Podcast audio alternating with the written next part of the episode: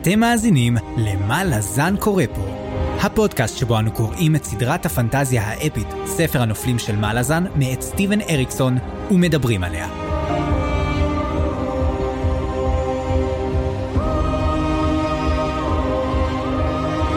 אני צפריר, ואני חיים. והיום פרק מספר 29, שבו נעסוק בפרקים השמיני ועד האחד עשר, ונסיים את ברזל קר, החלק השני מתוך הספר בית השלשלאות, הספר הרביעי בסדרה.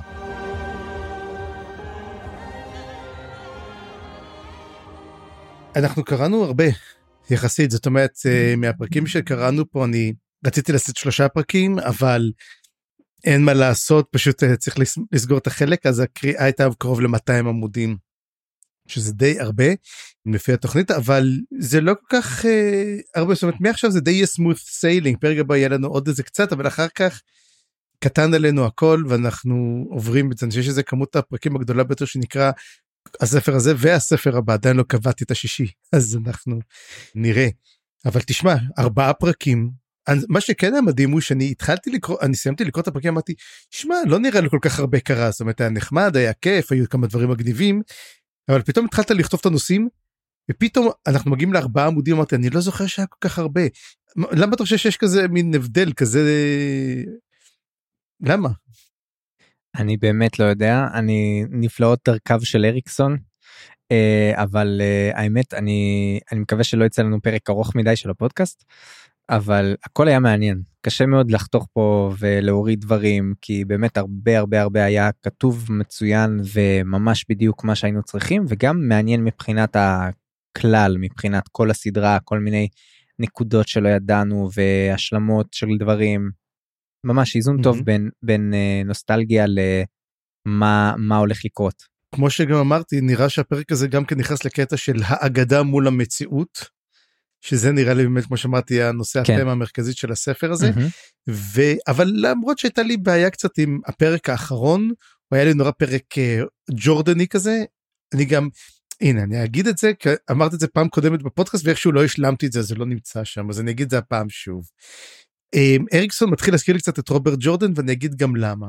רוברט ג'ורדן היה לו פרקים היו לו ספרים מאוד ארוכים ולא כל כך כולם היו גם כן את הסיבה למה הם היו ארוכים. זאת אומרת אתה קורא יש איזה מאורע מאוד מאוד גדול שקורה בסוף ספר נגיד נגיד הספר התשיעי יש מאורע ענק שקורה בספר הספר התשיעי ואז כל הספר העשירי זה רק דמויות מדברות על מה קרה בספר התשיעי. זה כל מה שמדברות עליו. אין התקדמות. ויש פה פתאום הרגשה קצת שפתאום אריקסון הם אה, מתחילים ללכת ואז אנחנו אומרים מה הוא אומר על המקרה? מה הוא אומר? הם, אתה יודע אנחנו מקבלים המון המון נקודות מבט שונות שלא כל כך דווקא מקדמות את העלילה קדימה. וזה מתחיל קצת uh, לקרות וזה אני לא כל כך אוהב את זה. אריקסון אתה יודע הוא בא נותן לך טח טח טח טח טח טח. הוא לא מרפה ממך ופתאום שהוא קצת מרפה ממך אני אני לפחות מרגיש שאני כזה מין אני מתחיל להרגיש שקצת פתאום למה הספר הוא אלף עמודים יכולת לרדת איזה 100 200 אם לא היית כותב את כל זה. כן אה, למרות שאני בינתיים נהנה באמת כמעט מכל דבר אבל אני אגיד uh, עוד נקודה קטנה שזה מה שרציתי לומר היו כל כך הרבה um, תקלות טכניות ועיכובים ועניינים שהתחרבשו בדרך לפרק הזה. ורק רציתי לומר לכם המאזינים היקרים שאנחנו עושים הרבה מאוד מאמצים כדי להביא לכם את הפודקאסט ואני מקליט על המחשב של אשתי ואנחנו מנסים פה ככה לתאם בין הימים ושנינו עסוקים אז זה קצת קשה לפעמים אבל בכל זאת הפודקאסט צריך להמשיך והנה אנחנו סוף סוף מקליטים את הפרק הזה. אז the show must go on אבל לפני שנעשה go on בוא נראה מה קרה go back. אז בפרקים הקודמים של מה לזן קורה פה. התחלנו את החלק השני של הספר, וכבר מההתחלה היה לנו ברור שחזרנו הביתה. זה מה לזן הישן והטוב, עם העלילות המזגזגות, האינטריגות ונקודות המבט השונות. וגם נוסטלגיה, הרבה נוסטלגיה. וכך, שמנו לרגע את קרסה ומסעו האומלל בצד, כי כמה אפשר להתאכזר לענק אחד, ועברנו לצבא תבורה, שם התחילה להניע לפעולה את תוכניותיה, הפומביות והסודיות. בגזרה הציבורית מינתה גנרלים חדשים עם חשש נפוטיזם קל וחשש תככים כבד, והתחילה את ההתארגנות למלחמה. בגזרה הפרטית שלחה את פיני ולוסטר האיל להבין מה קרה לפליסין, וגם בילתה עם טאמבר, שיהיה לה בכיף נו. פידלר חזר, אבל הוא סטרינגס עכשיו, והוא סמל עכשיו, והוא ציני עכשיו יותר מתמיד. יש לו יחידה חדשה עם קצין פוץ, ואני חושש שיש מקום לסכין בגב שלו. וגם קרוקוס חזר, אבל הוא קאטר עכשיו, הוא פחות ילד עכשיו. ואפסלר צריכה לשבת שבעה, אבל במקום זאת הם נשלחים למשימה סודית על ידי קוטיליון שהחליט לבקש יפה הפעם, במקום להשתלט להם על המוח. יפה מצידו. וקלאם חזר, והוא עדיין קלאם עכשיו, וגם הוא מקבל משימה מקוטיליון, אבל יכול להיות שזה רק כדי לברוח ממינאלה, אנחנו לא בטוחים. ואם אחות אחת לבית פארן זה לא מספיק, אז גם יש לנו את פליסין, שהיא מזמן כבר שאיק, שגם היא נאבקת על השלטון. ואיתה יש אבוריק הגמומי וקרסה שהוא טובלקאי עכשיו. ואל תשאלו, אבל גם טרול סנגר מהפרולוג חזר, והוא עם ת'לאן אימאס בשם אונרק עכשיו. נו, אז הנה, זה היה תקציר ארוך, ובסופו יש עדיין מלא שאלות. מה קרסה מגלף לא מוקף בנחשים שם? מה קוטיליון מתכנן? והכי חשוב, איך קוראים לתקציר ארוך כל כך? תאריך? מה לזן קורה פה? תאריך, נחמד מאוד מאוד. אני חושב לקחת את זה ישר לאקדמיה. אז ככה בוא נתחיל באמת על אה, מה קורה אם זה פה אז רק דבר אחד קטן חבר'ה רק אה, מכיוון שזה היו ארבעה פרקים וכל פרק מדבר על משהו אחר אנחנו נדבר על נושאים כמו שהתחלנו לדבר כבר על תמות ולא על פרק פרק אז אנחנו נדבר על תמות על uh, מאורעות שקרו דברים שקרו דברים שגילינו וכנראה גם נגלוש אחד לשני זאת אומרת הם לא כל כך uh, ליניאריים כמו שאנחנו אוהבים אותם תודה אריקסון. תודה באמת ואנחנו באמת נתחיל מהתמה הראשונה שעושה עוברת בכל אורך הפרקים וזה הצבא המלזני באמת תבורי וכל מה שקורה איתה אה, בצד של המלזנים.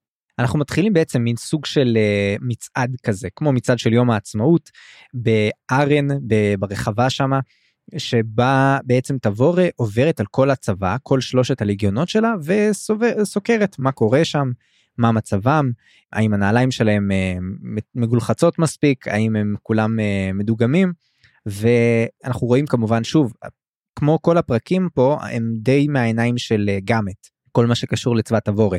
וזה מעניין כי גאמט כזה מאוד לחוץ, הוא לא כל כך מרוצה מהמצב שלו, אני לא חושב שהוא מוכן להיות עדיין גנרל של ליגיון שלם, ובכל זאת הוא מאוד מאוד לחוץ מה, מהמצב הזה, ו... הוא אבל מסתכל על המצעד הזה ואני חושב שבמצעד אנחנו די מבינים שצבא תבורם מתחיל לקבל איזושהי צורה.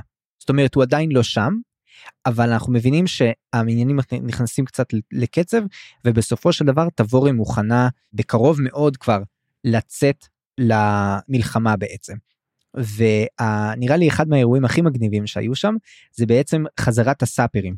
זאת אומרת כל הסאפרים שהיו עם הוויקנים שכבר uh, היו חלק מה... כל הספר השני בעצם.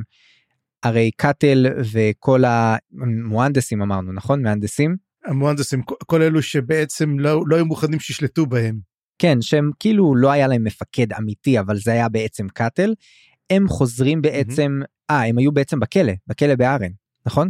הם ניצלו על ידי הסילנדה זאת אומרת לקחו אותם הם היו הוא פשוט אלו שנפצעו בסילנדה ולקחו אותם בסילנדה. קאטל מוצא את עצמו בכלא בגלל סיבה מאוד מאוד uh, מוצדקת אם יורשה להגיד. נכון הוא הרג את אחד האצילים שם אלה ש... הזה שאיים על דייקר נכון הוא הרג אותו. ל... לנסטורו כן לנסטור. וכן אז הם בעצם חוזרים. צבא וברגע שהם חוזרים אנחנו רואים שהמצב שלהם uh, טיפה קצת כבר אין להם כוח נראה לי. הם מבינים שהמצב של הצבא לא, לא ממש uh, טוב ויש בלאגן. המצעד של תבורה בעצם מראה שלפחות חלק מהליגיונות לא מוכנים בכלל. יש שם צבא של טירונים כולם מזגזגים אף אחד לא מקשיב לאף אחד הקצינים לא מצליחים להשתלט על המצב וברגע שקאטל אה, מגיע לשם הוא מבין שהוא צריך לקחת אה, את העניינים לידיים בשביל להחזיר פה סדר והוא עושה את זה בדרך שרק סאפר יכול לעשות את זה. הוא מדליק לו קאסר בעצם אה, מכניס אותו בצורה מוס, מסוימת אני לא בדיוק הבנתי איך ככה לתוך האדמה שלא יעשה פיצוץ מסוכן מדי אבל שכן יעשה רעש גדול ובעצם מצליח עם הטריק הזה להשתיק את כל הצבא. ו... זה בעצם הצורה של החינוך הסאפרי איך שכתבתי ככה בהערות שלי שהיה קטע ממש מגניב וקטל בעצם מתחבר לצבא ותבורם מספחת אותו והוא מסתפח ליחידה של פידלר בעצם שהם כבר מכירים הם גם נפגשים שם וכשהם נפגשים הם כזה עושים כזה סימני ידיים וכאלה שפת קוד של של uh, סאפרים ומצליחים ככה להעביר את כל המידע. אתה יודע זה קצת מצחיק כי אמרתי זה חיל, חיל הנדסה איך יכולה להיות להם לחיצת יד סודית שבדרך כלל אין להם ידיים. כן אה? לא אני חושב שחלק מה, מהשיח שם לא היה רק עם הידיים גם היה כזה עם העיניים וכזה נכון היה שם איזה. הם, הם, הם, הם, הם, לא, הם לא מכירים אחד את השני זאת אומרת הם מכירים אחד על השני זאת אומרת קאטל אה, מכיר את אה, פידלר הוא מכיר הוא, הוא, הוא, בדיעבד יודע שזה פידלר אבל הם לא חברים טובים. זאת אומרת אבל הם חברים לאותו מקצוע. זאת אומרת הם שניהם אוהבים הם פצצות שניהם אוהבים לפוצץ דברים. אגב אני חשבתי שקאסר זה רימון הלם זה מין רימון הלם כזה שאתה זורק אותו לאמצע רחבה ויאללה תסדרו בשורות. כן מצד אחד מצד שני הוא כן מתאר שם איך הוא מנסה לשים אותו ככה שהוא לא יעשה שום נזק ואני לא בדיוק הבנתי מה זה נראה לי שהוא כן מסוכן אה, ולא רק לימון. הוא, הוא חפר אותו באדמה ואומרים שיש שם מכתש קטן הוא חפר אותו באדמה הוא שם על זה תלולית וזה שהתפוצץ עשה רעש אבל הוא רק חפר את עצמו למטה הוא לא ריסק את הרסיסים שלו החוצה. כן. זה מין רימון אבל יוצר עושה רעש גם. אגב עוד דבר אחד שאלה ששאלתי ש... אה, שבוע שעבר ואני קיבלנו תשובה עליה כמה כל ליגיון מונה וליגיון מונה 4,000 איש. ככה אומרים בהתחלה ואני אמרתי כזה תודה כאילו סוף סוף אמרתם זאת אומרת תבורי מקבל צבא של 12 אלף איש מינימ, במינימום. כן זה לא צבא קטן אבל זה יפה זה, מאוד. כן זה לא צבא קטן נראה לי טיפה יותר משחשבנו בפרק הקודם אבל mm-hmm. זה לא 5,000 חיילים בכל ליגיון שזה יכול היה להיות המצב. אבל עדיין זה, זה, זה צבא לא קטן בוא נגיד שאם דוג'ק יצטרף עם 3,000 זה יהיה בדיוק 15,000 אה, כמו אה, הרכב מלא. כן אבל עדיין למה כל כך מזולזלים בזה אומרים מה כולה שלושה לגיונות הרבה אומרים מה בסך הכל שלושה כאילו 12,000 כמה הצבא של קולטיין היה כמה הייתה שרשרת הכלבים. אני חושב משהו כמו עשרת אלפים אם אני זוכר נכון. זה רק גורם לך לחשוב. כן אבל כמה מהם חיילים כמה מהם אה, אנשים. זאת שאלה טובה. בכל מקרה אני חושב שמה שמשווים את זה פה זה לא לקולטיין אלא לצבא המהפכה צבא דריז'נה ואני חושב ששם יש מספרים mm-hmm. הרבה יותר גדולים אנחנו לא יודעים בדיוק כמה אבל uh, אסור לזלזל במלזנים אני חושב שאנחנו כבר יודעים את זה.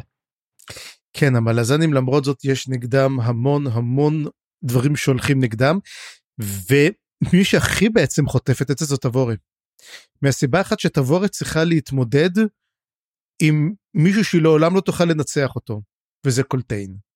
והיא צריכה ללכת בנעליים של קולטיין שהוא אגדה חיה, ונראה שלא רק אגדה חיה אה, כלפי, אה, בוא נגיד, בני המלזנים, אלא גם, אלא, כן, לא רק עבור מי שבני ברית שלה, אלא גם מול האויבים שלה, שגם הם רואים את קולטיין, וגם כן אה, סוגדים לו. אנחנו נראה את זה, יש אנשים שאשכרה אה, סוגדים לקולטיין. מה, מהשבטים, ה, מי שרצח אותו, מי שרדף אחריו, סוגד לו. כמה תבור יכולה לעמוד מול, להיכנס לווחד נעליים ענקיות? טוב, זה קצת קשור לחלק הבא שנדבר עליו, אז אני לא אתעכב על זה יותר מדי, כן. אבל אני חושב שיש פה כמה פתרונות בפרקים האלה לאיך מתמודדים עם אגדה. ואיך mm-hmm. איך באמת להתמוד... איך, איך לאמץ אותה ואיך אולי אפשר אפילו לפעמים להשתמש בה לטובתך.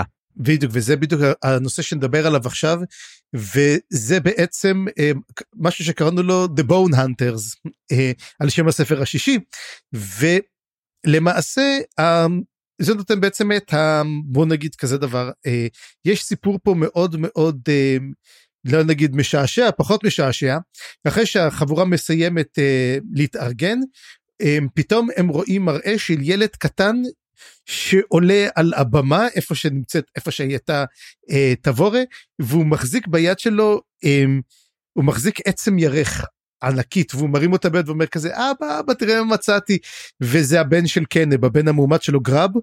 שמי שזוכר הוא בעצם אותו ילד שמאותה חבורת אה, שרשרת הכלבים שדייקר הציל אותו ולקח אותו איתו ונתן אותו בידיים של קנב ואמר קח אותו טפל בו.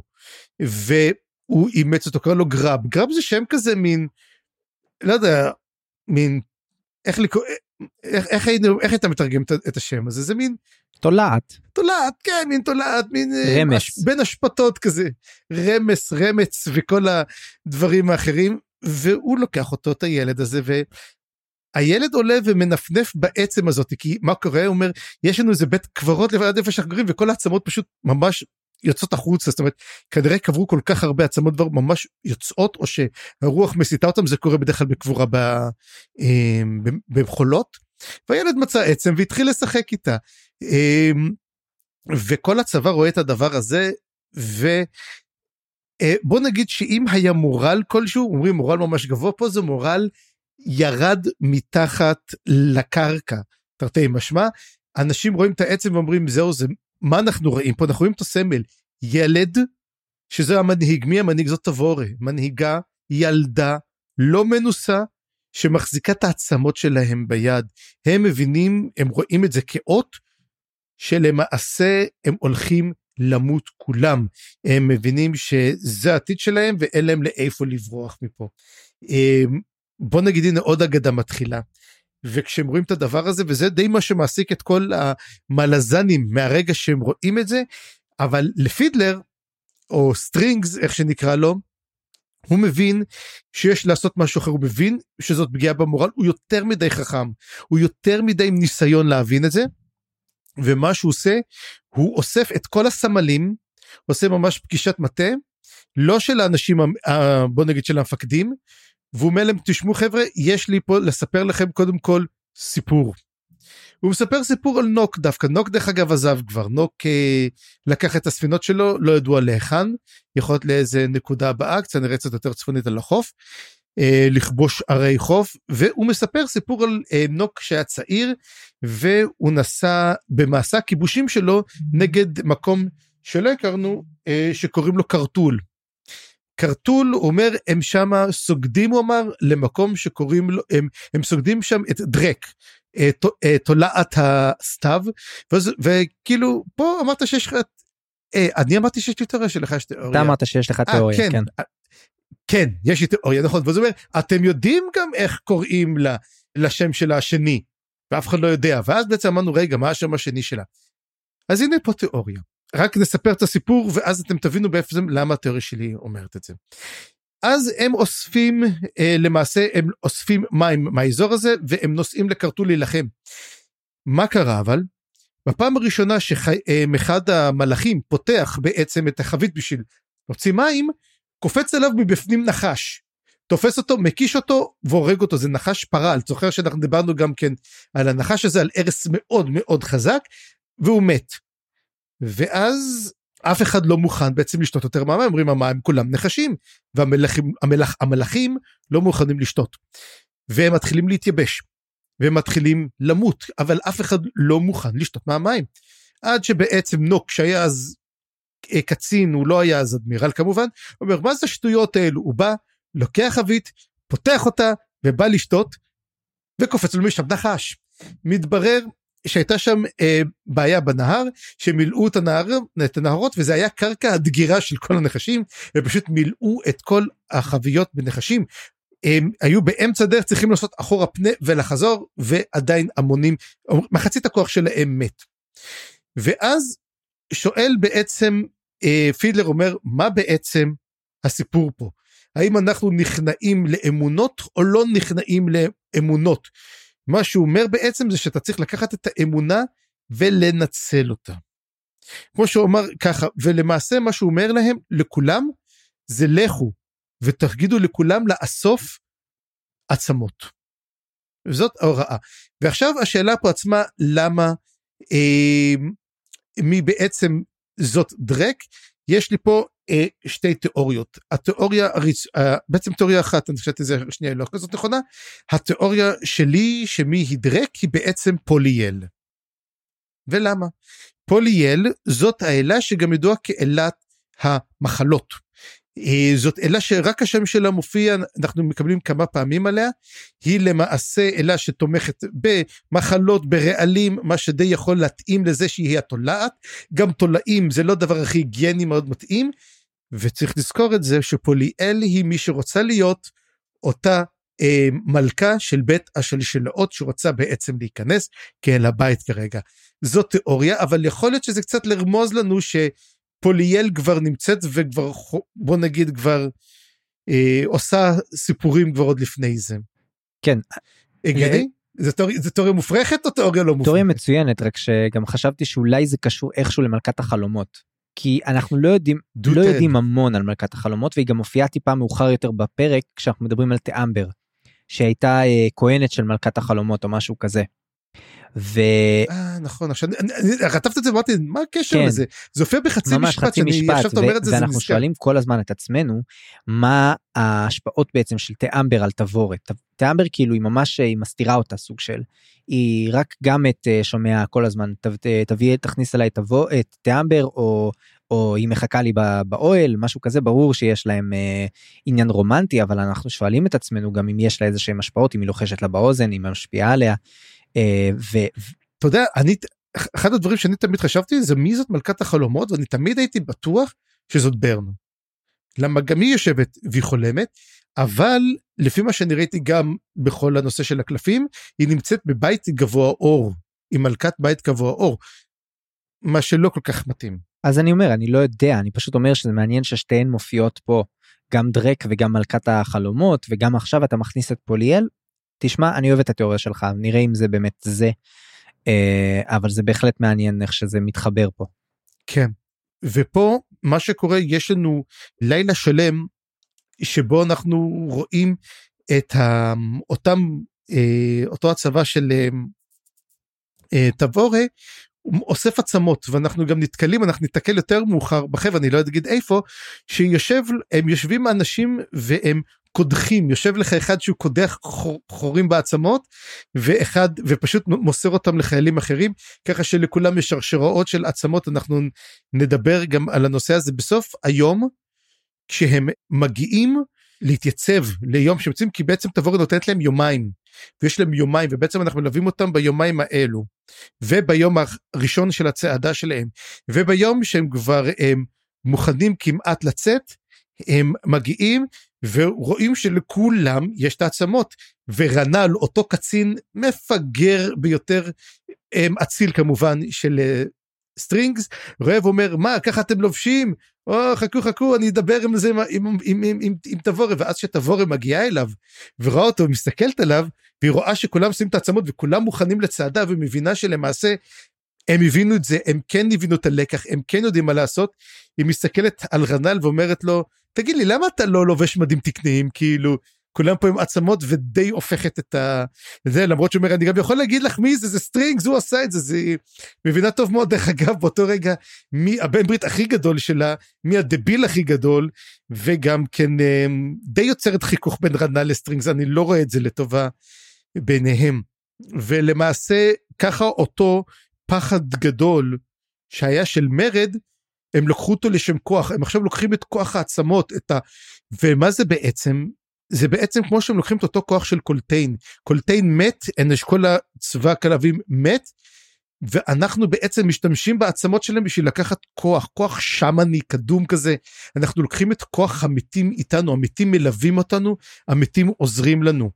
מה שמצחיק כי למעשה לשאיק יש להם את הכוח הכוח של קורבול אדום זה קוטלי הכלבים הם בעצם אומרים אתם קטלתם אותם אנחנו באים לקראתכם. מעניין מאוד מאוד מה זה קורה והם בעצם באמת אה, משנים את המורל. עוד דבר מעניין, שגם הצבא מקבל דגל, אנחנו לא יודעים מה הדגל שלו, אבל הם עושים דגל של עצמות. אה, היא אומרת, תשימו את זה גם על הדגל, אני רוצה דגל חדש, ארמיה 14 יוצאת. לא, לא, אני חושב שבדגל רואים בן אדם הולך עם עצם ביד. מתארים את זה ורגע. בן כן. אדם הולך עם עצם, כן, אגב, יש, 아, הדגל הוא שני דברים.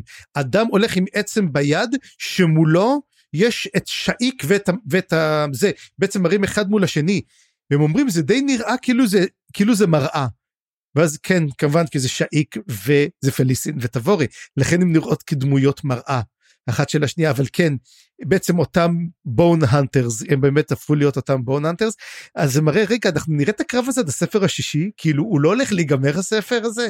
לך תדע או שזאת אופציה אחת שהוא לא ייגמר או שהוא כן ייגמר אבל יהיה דברים אחרים ויש לנו בעצם אני חושב יש לנו סוף סוף תחלופה לשורפי הגשרים.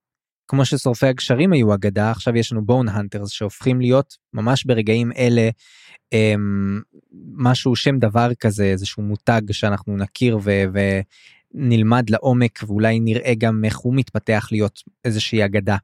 כמו שראינו גם עם שרשרת הכלבים שלא הייתה ממש משהו מוכר בספר השני ואני מאוד אוהב את, את הדבר הזה אגב אני רק מוסיף כל הקטע של בורן אנדרס זה לגמרי תיאוריה שלנו כי אנחנו לא באמת יודעים אבל נראה לי זה די uh, לשם הוא מכוון גם לא היינו לא היינו אמורים לדעת את זה אם לא היה באמת כבר ספר שישי שקוראים לו בורן הנטרס אבל זה נשמע הגיוני לא שמענו בפרקים האלה את השם האמיתי של היחידה הזאת עדיין. כן וזה מעניין לראות כי אתה יודע את על הברידג' ברדרס קיבלנו אותם כבר כאגדה. וראינו אותם מהאגדה ראינו אותם עד שהאגדה הזאת נגמרה. זאת אומרת אנחנו קיבלנו בדיעבד בספר השלישי וויסקי ג'ק אכן מספר לנו מנדרק איך הם נוצרו. אבל זה הסיפור של בדיעבד ידענו שהם נוצרו וידענו את ההליכה זה לא כמו שבאמת הלכנו איתם. פה אנחנו מהרגע שנוצרת אגדה חדשה זה מראה בעצם שאגדות קמות אגדות מתות ו, וכמו שאמרנו אגדה מול מציאות פה אנחנו רואים את הדבר החכם שפידלר משתמש באגדה כדי ליצור אגדה חדשה וזה עוד יהיה חשוב בעצם לקימלוק. ואנחנו נדבר על זה אה, יותר מאוחר. ודבר אחרון שגם קורה זה שפתאום מגיעה ספינה לפני שהם יוצאים לדרך מגיעה ספינה, ומי מגיעים? כל שבט העורב של הוויקנים, זאת אומרת השבט של קולטיין מגיע יחד איתו, והם מגיעים להילחם עבור אה, תבורם, אנחנו גם שומעים אחר כך שמקבלים את המקום של הכבוד הגדול, הם, הם רוכבים בראש, הטור, אה, שזה בכלל כבוד ענק בשבילהם, שזה מה שהם דרשו, אבל כמו שגם אומרים זה גם בעיות לתמול שהוא בחור בן 14 לך תפקד על השבט של קולטיין. כן זה מוסיף לו מורכבות ואנחנו נראה שזה לא פשוט לו הדבר הזה זה כמעט שובר אותו אבל זה נראה טיפה בהמשך.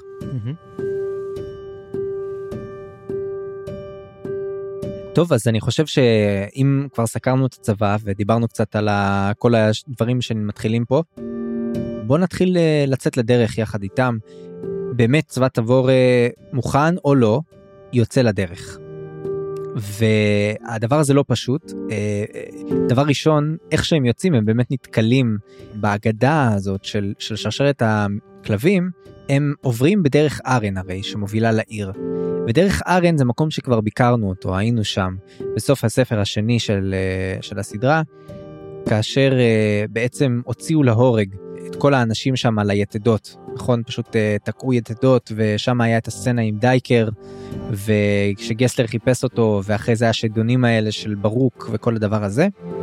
בעצם הם הולכים בסוג של זה הזכיר לי את הסצנה ממשחקי הכס שצלבו בעצם ילדים בכל uh, uh, לכל אורך הדרך.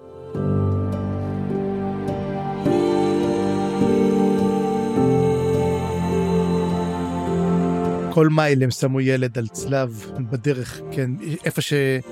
באזור של מירין ויונקה. כן, אז, נכון. אז גם פה אני, אני, זה עשה לי את אותה תחושה של זעזוע כזה וכבר היינו שם, אבל הם צריכים ללכת את כל האורך הזה, ומה שיותר מגניב זה שתבורה הורתה לא להוריד אותם.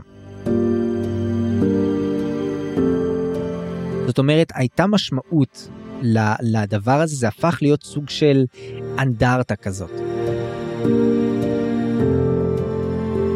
והם הולכים והם מסתכלים על הזוועה הזאת משני נקודות מבט. נקודת מבט ראשונה זה באמת גם את תבורה וטנברלטה שהולכים ככה מקדימה הגנרלים, ומהצד השני אנחנו רואים את זה גם דרך החיילים הפשוטים. אז הם כשהם הולכים הם רואים את הדבר הזה ובאמת גם את שואלת תבורה למה היית צריכה אולי להוריד את הדבר הזה, אבל אז אנחנו מתחילים להבין שלא רק שהגופות נשארו בעצם על העמודים האלה, אלא שגם יש עליהם כל מיני פרחים, חתיכות של אה, אבנים, כל מיני כלי נשק שהניחו שם. הם מתחילים להבין, נכון, אני לא ממציא, אני לא זוכר בדיוק מה שמו שם. לא, הם שמים שם המון, הם שמים המון פטישים שם, ממש הם, אבל הם שמים את הכל לקולטיין, אני לא יודע אם שמים את זה ללוחמים אני, האחרים. אני זוכר שהם שמו את זה על כל מיני, כי קולטיין אני לא חושב שיש לו יתד בכלל, כי לא מצאו את גופתו. לא, יש רק את היתד, אין את הגופות כן. שלו. אה, היתד נשאר, העורבים לקחו את כל מה שהיה והשאירו את זה בלי גופה, אבל היתד שלו כן, הצלב שלו נשאר כן. אוקיי, בסדר, אוקיי. בכל מקרה הם רואים שם מתחילה להיווצר כזאת אנדרטה, זה הזכיר לי מאוד את האנדרטה של איטקוביאן מהספר הקודם. אמ, ומי שמביא את זה נורא מפתיע אותם זה באמת השבטים שקולטי נלחם בהם בספר הקודם. כל הקונדריל והסמק כל השבטים שבעצם היו ה-allies של קורבול אדום שהוא השתמש בהם בעצם בקרבות האלה. ועכשיו הם כאילו מוקירים לו איזשהו כבוד והערכה. ובאמת האגדה הזאת של קולטיין יש לה כוח מאוד מאוד חזק. אני חושב שאם קולטיין כן יחזור מתישהו שיש לנו סיבה להאמין שכן אולי יכול להיות שזה יהיה גורם שיוכל או לאחד את כל הצד של שבע הערים, או למוטט את הצד של תבורה, כי יש לו כוח שאין לה, יש לו כבוד שאין לה. אז נראה באמת איך הדבר הזה ית, יתקדם, אבל גם אנחנו רואים את הנקודה הזאת מהחיילים הפשוטים. ובאמת אנחנו רואים את זה מנקודת מבט של פידלר, ששומע באמת איזשהו שיר והשיר שהוא שומע מאוד מוכר לו והוא זוכר אותו. ואנחנו צריך להיזכר, אנחנו גם קצת נראה את זה בהמשך, אבל פידלר קיבל מתנה מקימלוק. קימלוק היה אותו סוג של מכשף או וורלוק שהיה נמצא בארליטן. ספיריט ווקר כן. ספיריט ווקר כן שהיה לו בעצם יכולת להנציח דברים דרך שיר. הוא היה יכול בעצם לקחת את המהות של משהו ולהפוך אותו לשיר, והוא נתן לפידלר מתנה פעם אחרונה שהם נפגשו. וכבר היה לו היסטוריה עם שורפי הגשרים, וכל הדבר הזה, אנחנו לא בדיוק יודעים מה זה השיר הזה או מה הוא אומר, אבל התחושה פה זה שיש קשר בין שורפי הגשרים והיחידה החדשה הזאת של פידלר. ולא רק זה, אלא ששורפי הגשרים נוצרו בשבע הערים, הם נוצרו בררקו, ועכשיו כל התהלוכה הזאת, כל הצבא החדש הזה של תבורי הולך לאותו מקום, הם הולכים לררקו לפגוש את uh, צבא פליסין וצבא שאיק. וזה בדיוק העניין, יש פה מין מסע הפוך. יש לנו שרשרת כלבים הפוכה, ויש לנו אולי בעצם היווצרות של יחידה חדשה כמו ששורפי הגשרים שנוצרו, אבל זה שונה. ואני רוצה להגיד ש... פידלר היא דמות המפתח פה. כי פידלר הוא היה בסופי הגשרים, הוא מכיר את האגדות המקוריות, אבל עכשיו הוא גם חווה את הדבר הזה והוא גם עוזר אולי לייצר אותו במובן מסוים. יש לו את אולי כוח מקימלוק, אבל אולי גם יש לו את הכוח בפני עצמו. אנחנו יודעים ששורפי הגשרים היה להם יכולות מיוחדות אולי מההליכה הזאת בררקו. היה להם איזה שהם אה, כישרונות מיוחדים, אולי חיים ארוכים במיוחד, אולי לא יודע, כוחות קסם מהדבר הזה, אולי מתחיל להיווצר פה משהו דומה לצבא של תבורת.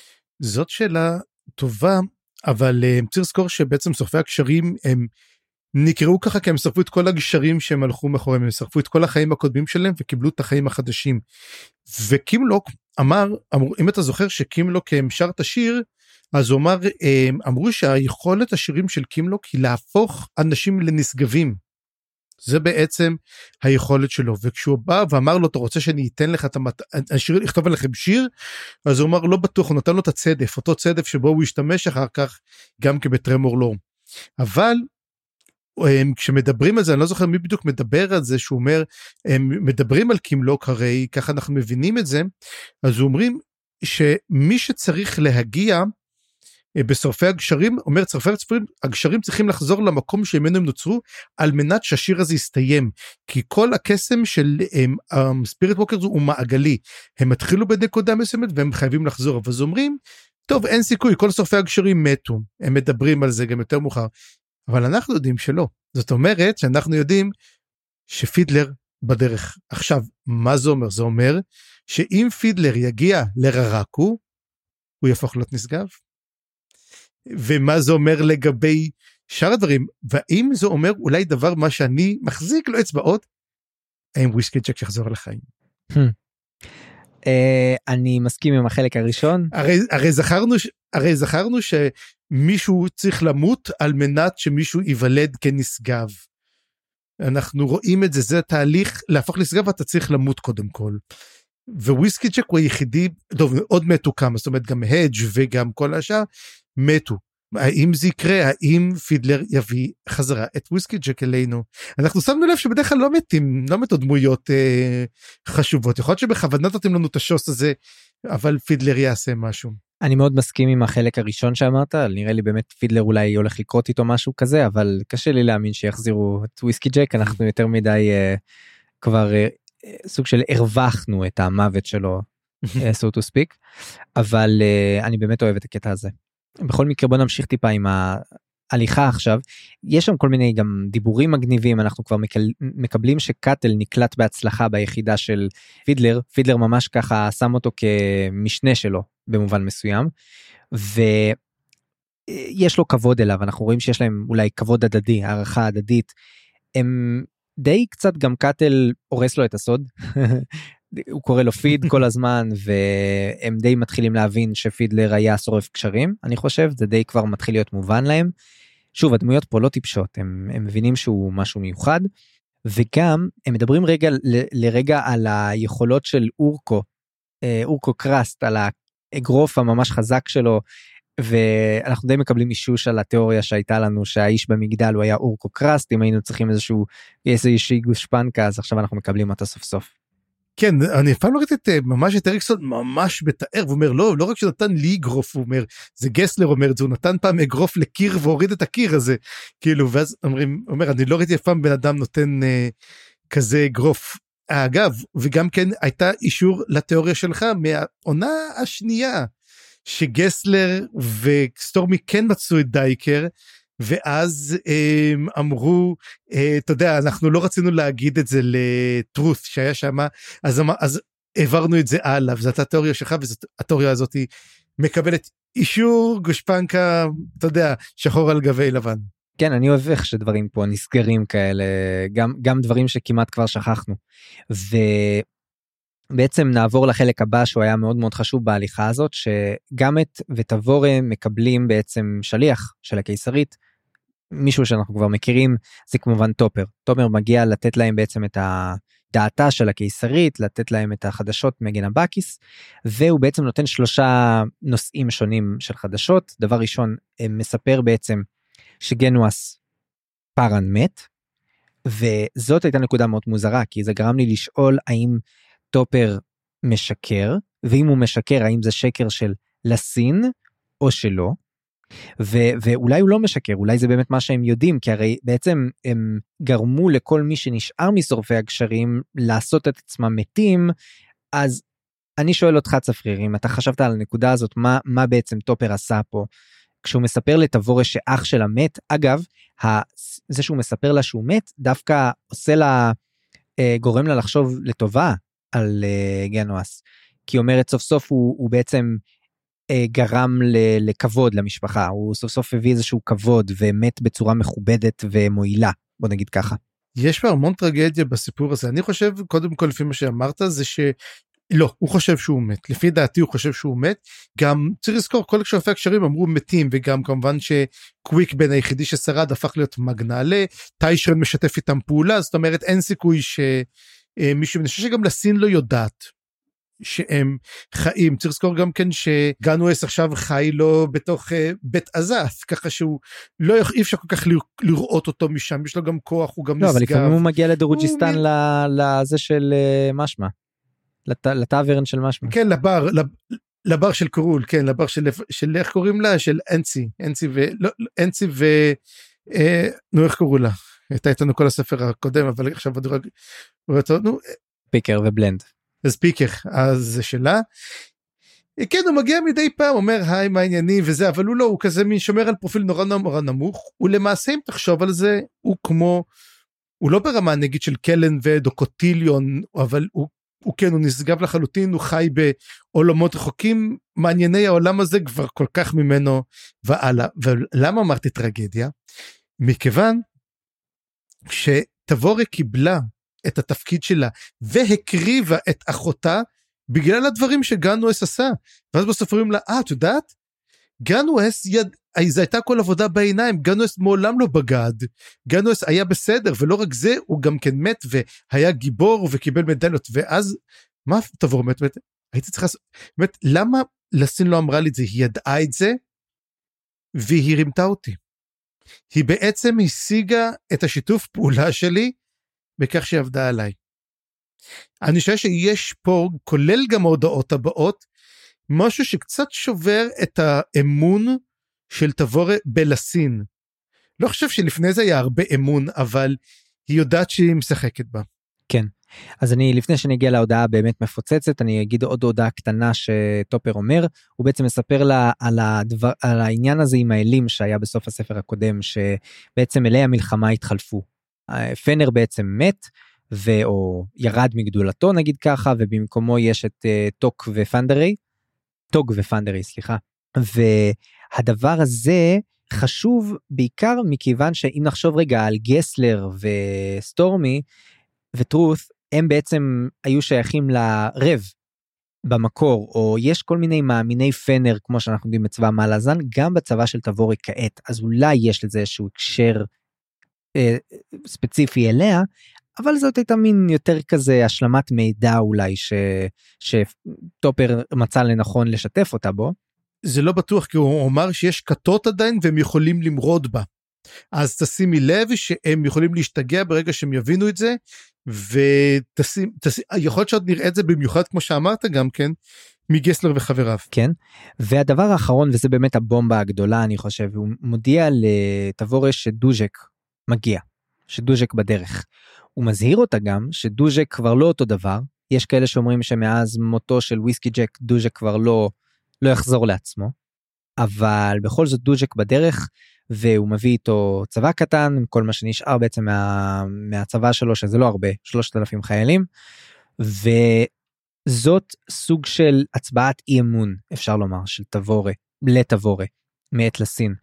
כי בעצם אנחנו כל הזמן שאלנו את עצמנו איך יכול להיות שלסין הפקידה בידיה של מישהי לא מנוסה יחסית בשלושה ליגיונות אפילו שהיא צריכה לכבוש מחדש את אה, שבע הערים ולהילחם בהפיכה שיש שם.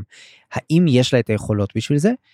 ודוז'ק שהוא אולי הבן אדם שהכי יש לו יכולות לדבר הזה לפחות אם הוא עדיין במצב לעשות את זה פתאום קוראים לו כאילו לא קוראים אותו למילואים ו, ושולחים אותו להחליף אותה סוג של גם אם הוא לא ממש פיזית יחליף אותה בתפקיד יש סיכוי שזאת הכוונה בעצם וזה מאוד מערער את ביטחונה של תבורה אנחנו לא שומעים על זה יותר מדי אבל יכול להיות שנתעסק מזה בהמשך כי לדעתי יש פה נקודה מאוד חשובה כמו שאתה אומר באמון שיש בין תבורי ללסין.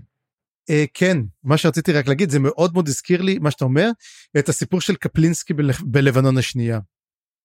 Uh, לקראת סוף המלחמה הם הבינו שפשוט לא מצליחים בצפון לעשות הכל והצניחו את קפלינסקי מי שהיה סגן הרמטכ"ל אז כאילו אמרו לו בוא תחזור למילואים ותתחיל אה, אתה יודע תנהל שם את המערכה כי המערכה לא עובדת.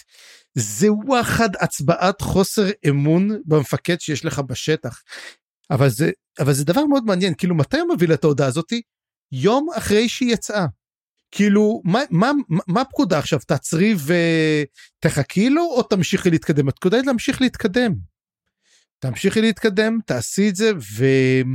אני לא יודע כך איך להגיד את זה אבל תבורה לא מקבלת את זה טוב היא אומרת כמובן אני אעשה את זה היא לא מקבלת טוב. דבר אחר שאני רוצה להגיד על כל מה שטופר בא ואומר להם זה בעצם ההבנה הרי הספר הקודם נגמר ואמרנו יופי הפן ינוצח הצבא נוצח. המלזנים רואים את זה כהפסד זה, זה מה שנקרא ניצחון פירי כאילו כשאחרי שניצחו אז אמרו עוד ניצחון כזה ועבדנו. הם ניצחו עם אובדן נוראי של כוח אדם, השורפי הקשרים הלכו לחלוטין, הסמל הגדול של האימפריה המלזנית, וויסקי ג'ק מת, האובדן המורלי כל כך גדול שכמו שראינו כבר חיילים משבע ערים כבר מתחילים אולי לחזור אומרים אוקיי אז אולי באמת צודקים בשבע ערים וזאת השעה באמת לקום על מלאזן. לא בטוח גם שוויסקי ג'ק שבאמת כך היה יצליח לעשות את זה. אבל אולי אתה יודע אולי דווקא אה, מה שעושה פה לסין היא משחקת הרי בכמה משחקים. היא אומרת אומרת לתבורה שלחתי לך את דוג'ק אה, אתה יודע לסדר את הסיפור.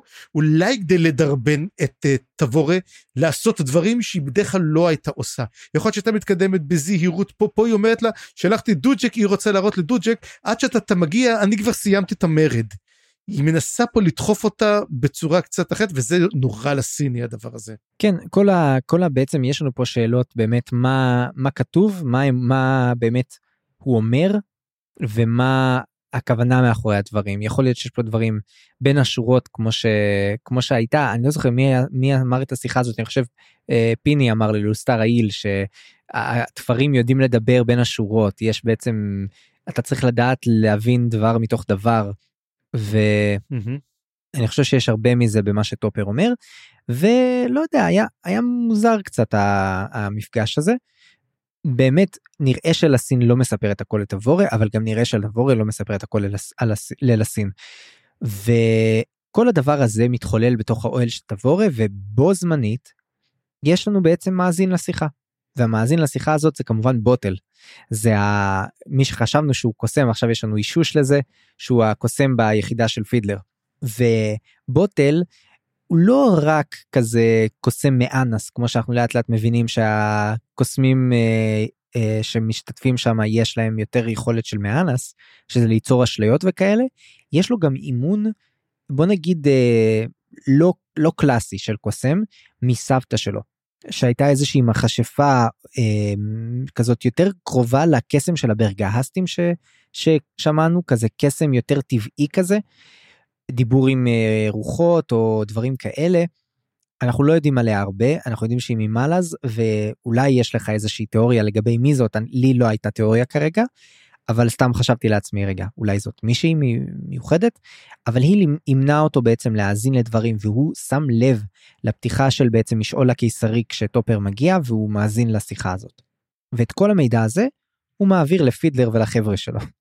שזה היה מאוד מגניב זה היה כאילו הוא מצליח להאזין להם בלי ששמים לב אליו ולהעביר את המידע לפידלר זה חתיכת אה, אס בשרוול חדש שיש לפידלר אם יש לו את בוטל הזה והוא יודע להשתמש בו נכון והוא בעצם מקבל גם את האמון של בוטל לדעתי זה יכול להיות ממש מגניב. והוא מספר לו את כל הדבר הזה ולדעתי אני לא הייתי מוכן לזה שעכשיו פידלר יקבל את המידע בעצם על וויסקי ג'ק ועל uh, מות בעצם כל החברים שלו. ופידלר מקבל את זה לא טוב. הוא מתחיל, uh, הוא נכנס לאבל בעצם. הוא מסתובב ככה באבל, ותוך כדי האבל שלו, תוך כדי שהוא מסתובב והוא לא מצליח לישון, הוא פוגש עוד מישהו שנמצא במצב מאוד מאוד לא טוב. אז יש לך משהו רגע לומר לפני הפגישה הזאת?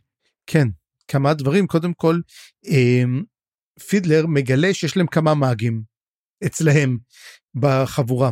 ואז הוא מזמן את כולם, אומר טוב בוא נזמן את כולם שנוכל לראות מה הם עושים כדי שהם יוכלו לעזור לנו מזמן את כל הסמלים ומגלים שכולם בעצם קוסמים של מיאנס ושל רשן והם אומרים אוקיי זה קצת מוזר מאוד שיש לנו אותם.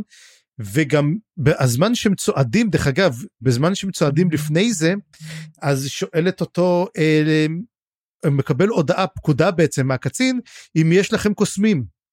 וגסר לא מוכן להגיד אומר לא לא לא מכיר שום קוסם וזה. ופידלר אומר כן יש לנו קוסמים.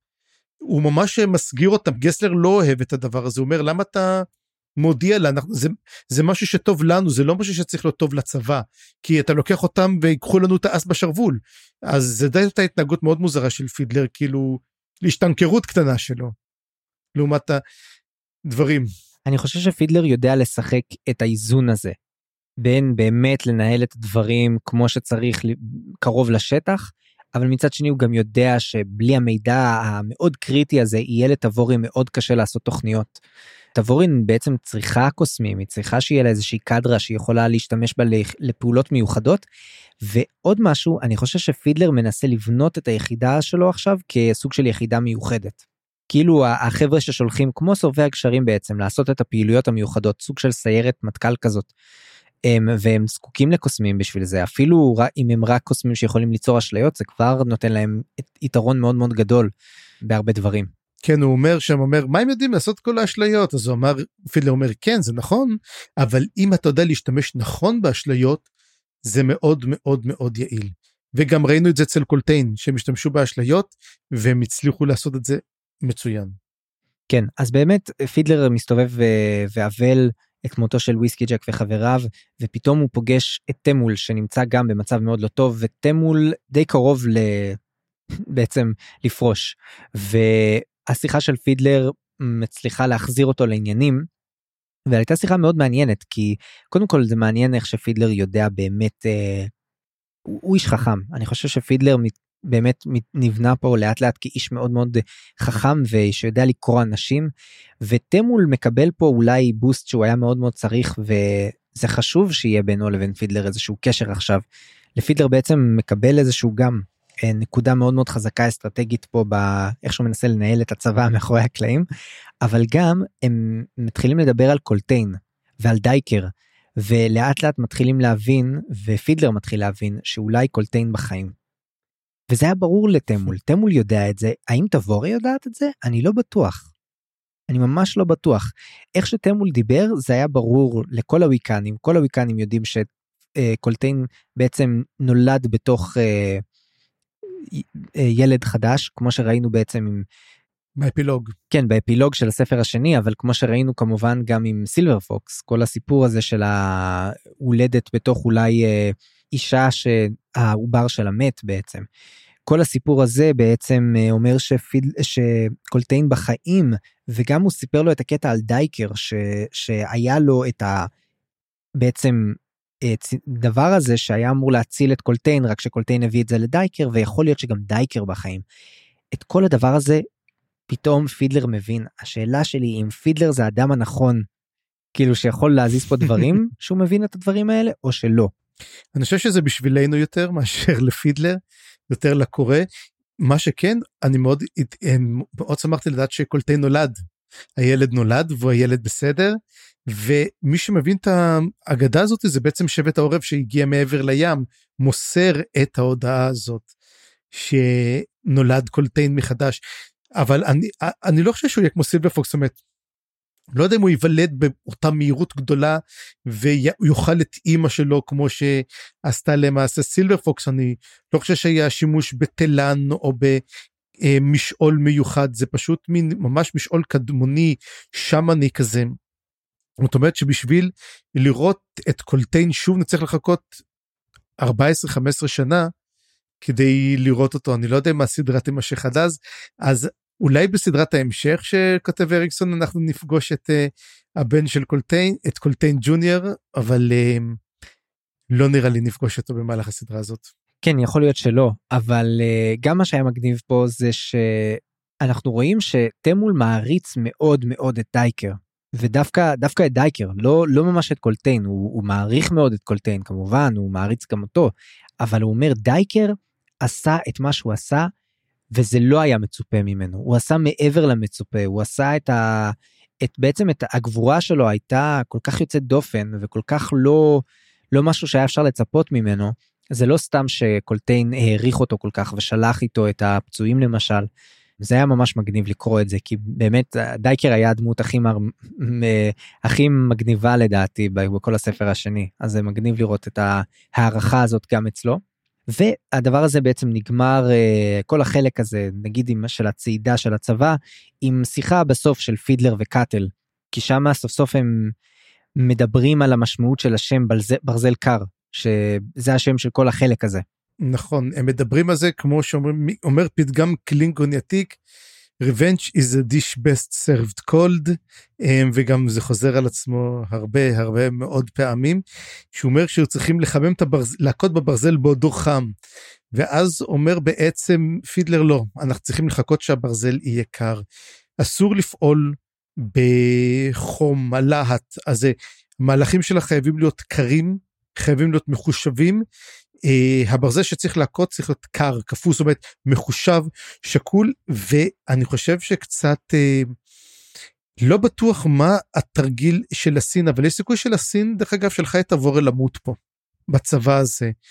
אני כבר מה שאמרתי, אני חושד בעצם שתבורי, כמו שאמרתי, היא ממשיכה של אותם ציפורניים, אותם טלונים, והדרך שלה לשלוח אותה כמנהיגת צבא, היה בעצם לכי תמותי בארץ רחוקה ושיהיה לך אה, בהצלחה שמה. ובגלל זה הוא אומר הדבר הכי חכם וגם זה גם מביא את דוז'ק בשביל לגרום לה להסתער לעשות דברים די טיפשיים. הוא אומר לה לא לפעול לאט לפעול בשיקול דעת.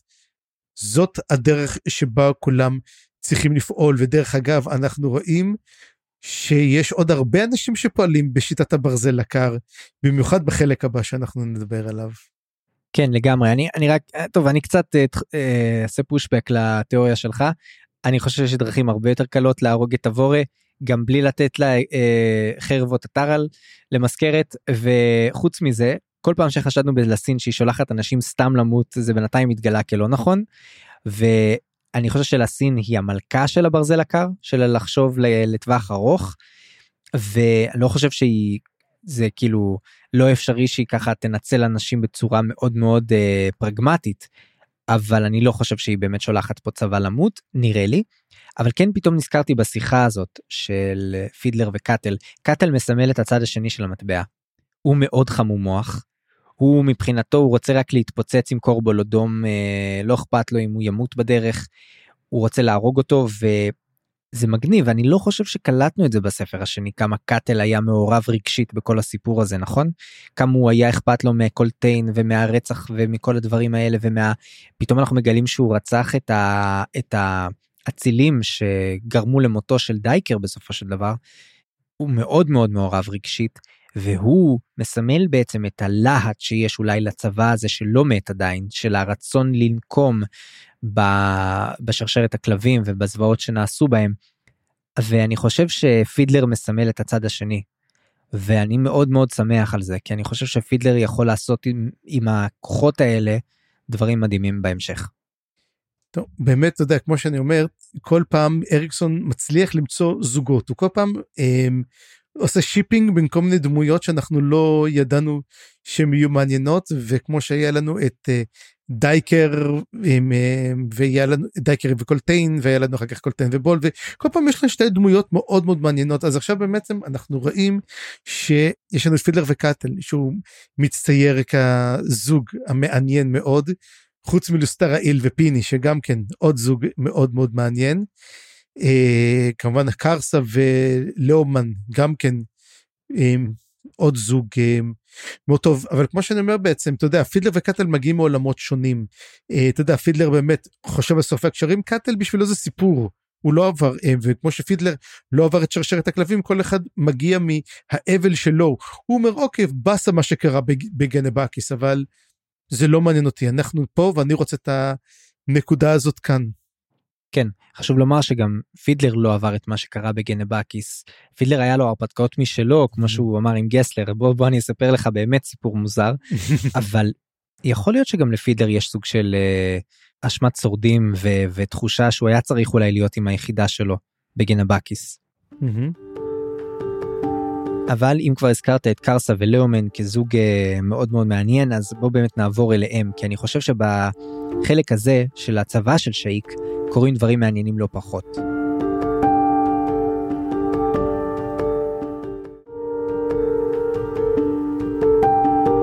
אז אנחנו את החלק הזה עם קרסה, שהוא כרגע טובלקאי כמו שאמרנו, וקרסה נמצא בנקודת מסתור שלו שהוא הביא את אה, פליסין בפעם האחרונה לשם.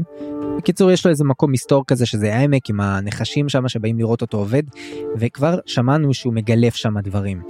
ומה שהוא מגלף שם זה באמת אה, מסתבר שזה הפנים שבסלע הוא עושה בעצם אחד לאחד מנסה להעתיק את מה שהיה ב... אה, אצל הטבלורים שם להעתיק אותם חזרה ל... ל... לעמק הזה. וחוץ מזה הוא מגלף גם את שני חבריו את דלום תורד ואת ביירוס.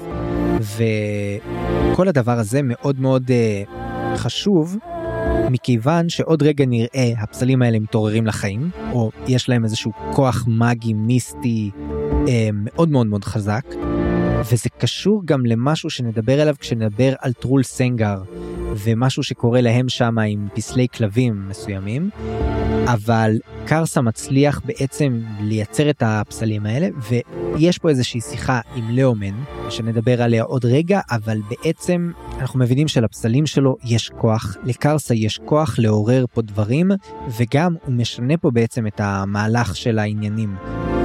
במיוחד עם הפנים שבסלע, כל ה... בעצם העם הטבלורי, כל הדבר הזה, והוא מדבר עם לאומן. בוודאי. עד עכשיו אנחנו מבינים שהם סוג של בני ברית, חברים, אבל אנחנו לא ברור עד כמה באמת אכפת להם אחד מהשני. ואנחנו רואים שלאומן בעצם מדבר עם קרסה בצורה שדי פותחת את הסוג של קנוניה שהייתה להם. הם עבדו יחד בשביל לנסות להביא את שאיק למקום מסוים וגם בשביל לנסות להביא את אבוריק למקום מסוים. ואנחנו בהמשך מבינים שיש פה חתיכת קשר לא קטן נגדם. והם מצליחים איכשהו לנווט את הדבר הזה, אבל עכשיו קרסה נאלץ, לפי לאומן, לצאת לאיזשהו מסע. מסע לג'אגו דהן. אוקיי, אגב, עוד דבר אחד, גם כצר זכור, אמ, למה בעצם אמ, קרסה יוצא למסע? הוא יוצא למסע כי לאומן רוצה שהוא יצטרף אליו למסע כלשהו, הוא אומר לי, אני צריך לצאת, אני כבר לא יכול להיות תקוע פה יותר, אני חייב לצאת. אז הוא אומר לו, בוא תצטרף אליי, אז הוא אומר לו, איך אני אצטרף אליך? הוא אומר, אתה צריך סוס.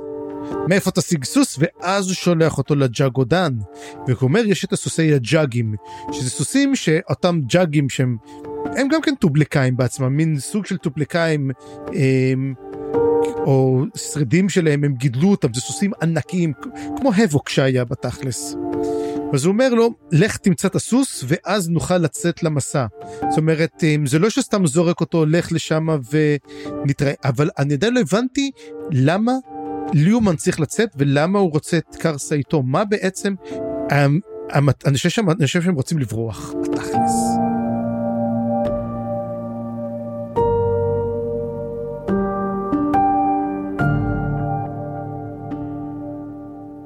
אני חושב לא שהם ממש רוצים לברוח אלא הם מבינים שהם צריכים לעשות איזה משהו בשביל לשנות את, ה, את המאזן כוחות שם כי הם מבינים שהם הולכים להפסיד במאזן הזה. Mm-hmm. הכוחות שפועלים על שאיק כרגע בין כל המלחמה בין הקוסמים שם בידיטל ו- ולוריק והש- והשני וקורבלודום שאנחנו עוד מעט נבין את הקשר האמיתי שלהם. יש פה בלגן גדול ואני חושב שקרסה ולאומן מוצאים את עצמם עם ידם על התחתונה והם mm-hmm. צריכים או לברוח כמו שאתה אומר או לדעתי יש פה סיפור אחר הם מנסים למצוא איזשהו אס חדש לשנות את מאזן הכוחות ואני חושב שזה קשור יותר לזה. זה גם קשור אגב אולי לפליסין ולמסע של לבוריק פליסין הצעירה סליחה והמסע של לבוריק ונראה אם זה מתקשר איכשהו. בכל מקרה קרסה נאלץ ללכת לג'אגודן בשביל להשיג סוס או whatever אבל זה גם מתקשר באמת להתעוררות של הפנים שבסלע. בעצם מסתבר שהמשימה הפרטית שלו והמשימה בוא נגיד שהדתית שלו משתלבות פה כי בעצם מה קרה? קרסה בזה שהוא בנה פה את הפסלים האלה עזר לפנים שבסלע לאותם נגיד טלאן אימאס שהתחזו לאלי הטבלורים לעבור מקום למצוא להם בית חדש לברוח מהאזור של הטבלורים והוא פתאום משנה את מאזן הכוחות ביניהם. עד עכשיו הוא סוג של אה, אתה יודע אה, התפלש בבוץ מולם וממש קרא בערך ו, וניסה להיות uh, מאמין טוב. פתאום הוא אומר להם רגע רגע רגע תזכרו עם מי אתם מדברים אני הצלתי אתכם. אתם חייבים לי. ובאמת הם uh, סוג של משנים גם קצת את המנגינה כלפיו והם די מספרים לו שעכשיו המטרה שלו זה באמת להחזיר את הכוח שלהם ובדרך גם להחזיר את הכוח של הטבלורים שזה באמת מה שקרסה אני חושב רוצה באמת. Mm-hmm. ודבר נוסף שקורה וזה נראה ממש לא ציפיתי שזה יקרה קרסה מצליח לעורר איכשהו את חבריו גם. את ביירוס ודלום תורד שסוג של מתחילים עכשיו להיות סוג של רוחות כאלה שהולכות לידו ומדברות איתו והוא מצליח כל פעם שהוא אומר לעצמו כל פעם שהוא מצליח אה, לשאול את עצמו מה ביירוס היה אומר מה דלום תורד היה אומר עכשיו הוא באמת שומע אותם עונים לו ואני ממש לא ציפיתי לדבר הזה. יאללה אולי חפרתי קצת יותר מדי על הקטע שלו בכל מקרה אנחנו עוברים עכשיו לעוד עוד אנשים פה שהזכרנו קצת הבוריק ולוריק. הבוריק נפגש עם לאוריק שזה הקוסם אולי הכי פחות נגד שאיק שיש בשלישייה שאנחנו מגלים ולאוריק הם, הם מדברים בעצם והוא מנסה לחלוב ממנו מידע אבל לאוריק מבין שבוריק לא יספר לו סתם דברים. כל הדבר הזה קורה אחרי שבעצם יש את הפגישה הזאת את המועצה והם הרי הבינו שבוריק יודע דברים שכנראה אף אחד אחר לא יודע כי כששאיק תיארה לו את הקלף של שליט החפיסה בוריק עשה כזה mm, כן mm, וידע לשאול את השאלות הנכונות. לאוריק הבין שהוא יודע משהו שהוא לא יודע ולאוריק יודע גם משהו שבוריק צריך לדעת וזה באמת מה קורה שם עם ענק הג'ייד. והוא יודע ש, שזה מה שבוריק בעצם רוצה לדעת כי הוא חולם על ענק הג'ייד הזה, הוא לא מבין מה קורה איתו והוא מספר לבוריק כמה דברים מאוד מעניינים. אבל בואו באמת אה, נדבר קצת על הדיון הזה שמעורר פה את העיסוק בבית השלשלאות שאנחנו כבר יודעים שהוא נכנס לסיפור ובוריק יודע כנראה שמדובר בפארן בגנואס שהוא שליט החפיסה הוא מבין את זה הוא, הוא חושף את הפרט הזה כשהוא אומר שהוא מבין שהמשפחה של פארן עכשיו היא ממש ממש מסובכת עמוק עמוק בעניינים. יש לנו בעצם אחות נגד אחות ויש אח שמסתבך פה בעניינים הכי מהותיים פה של הכוחות העליונים, כן? אני אוסיף בינתיים קצת על הקלף. אז זהו זה אחד הדברים שמדברים עליו הוא מאוד מעניין. קודם כל התיאור שלו כזה דבר, הוא עומד על גשר, הגשר עשוי מאבן והאבן סדוקה. האופק מלא בלהבות, וזה נראה שהוא והגשר מוקפים על ידי מאמינים או משרתים. ואז לא רק אומר לו, הם בעצם שומרים שלו. ובמיוחד הם נראים כמו חיילים. ואז הבורק הוא שואל אם החיילים נמצאים על מה הם עומדים והוא שואל מה קורה ואומר שהם עומדים על עצמות לא עצמות אנושיות אלא גדולות מאוד, חלק מגולגולת נראה יש לה אף מוארך עם הרבה מאוד שיניים ונראה שיש עליו קסדה מסוג כלשהו.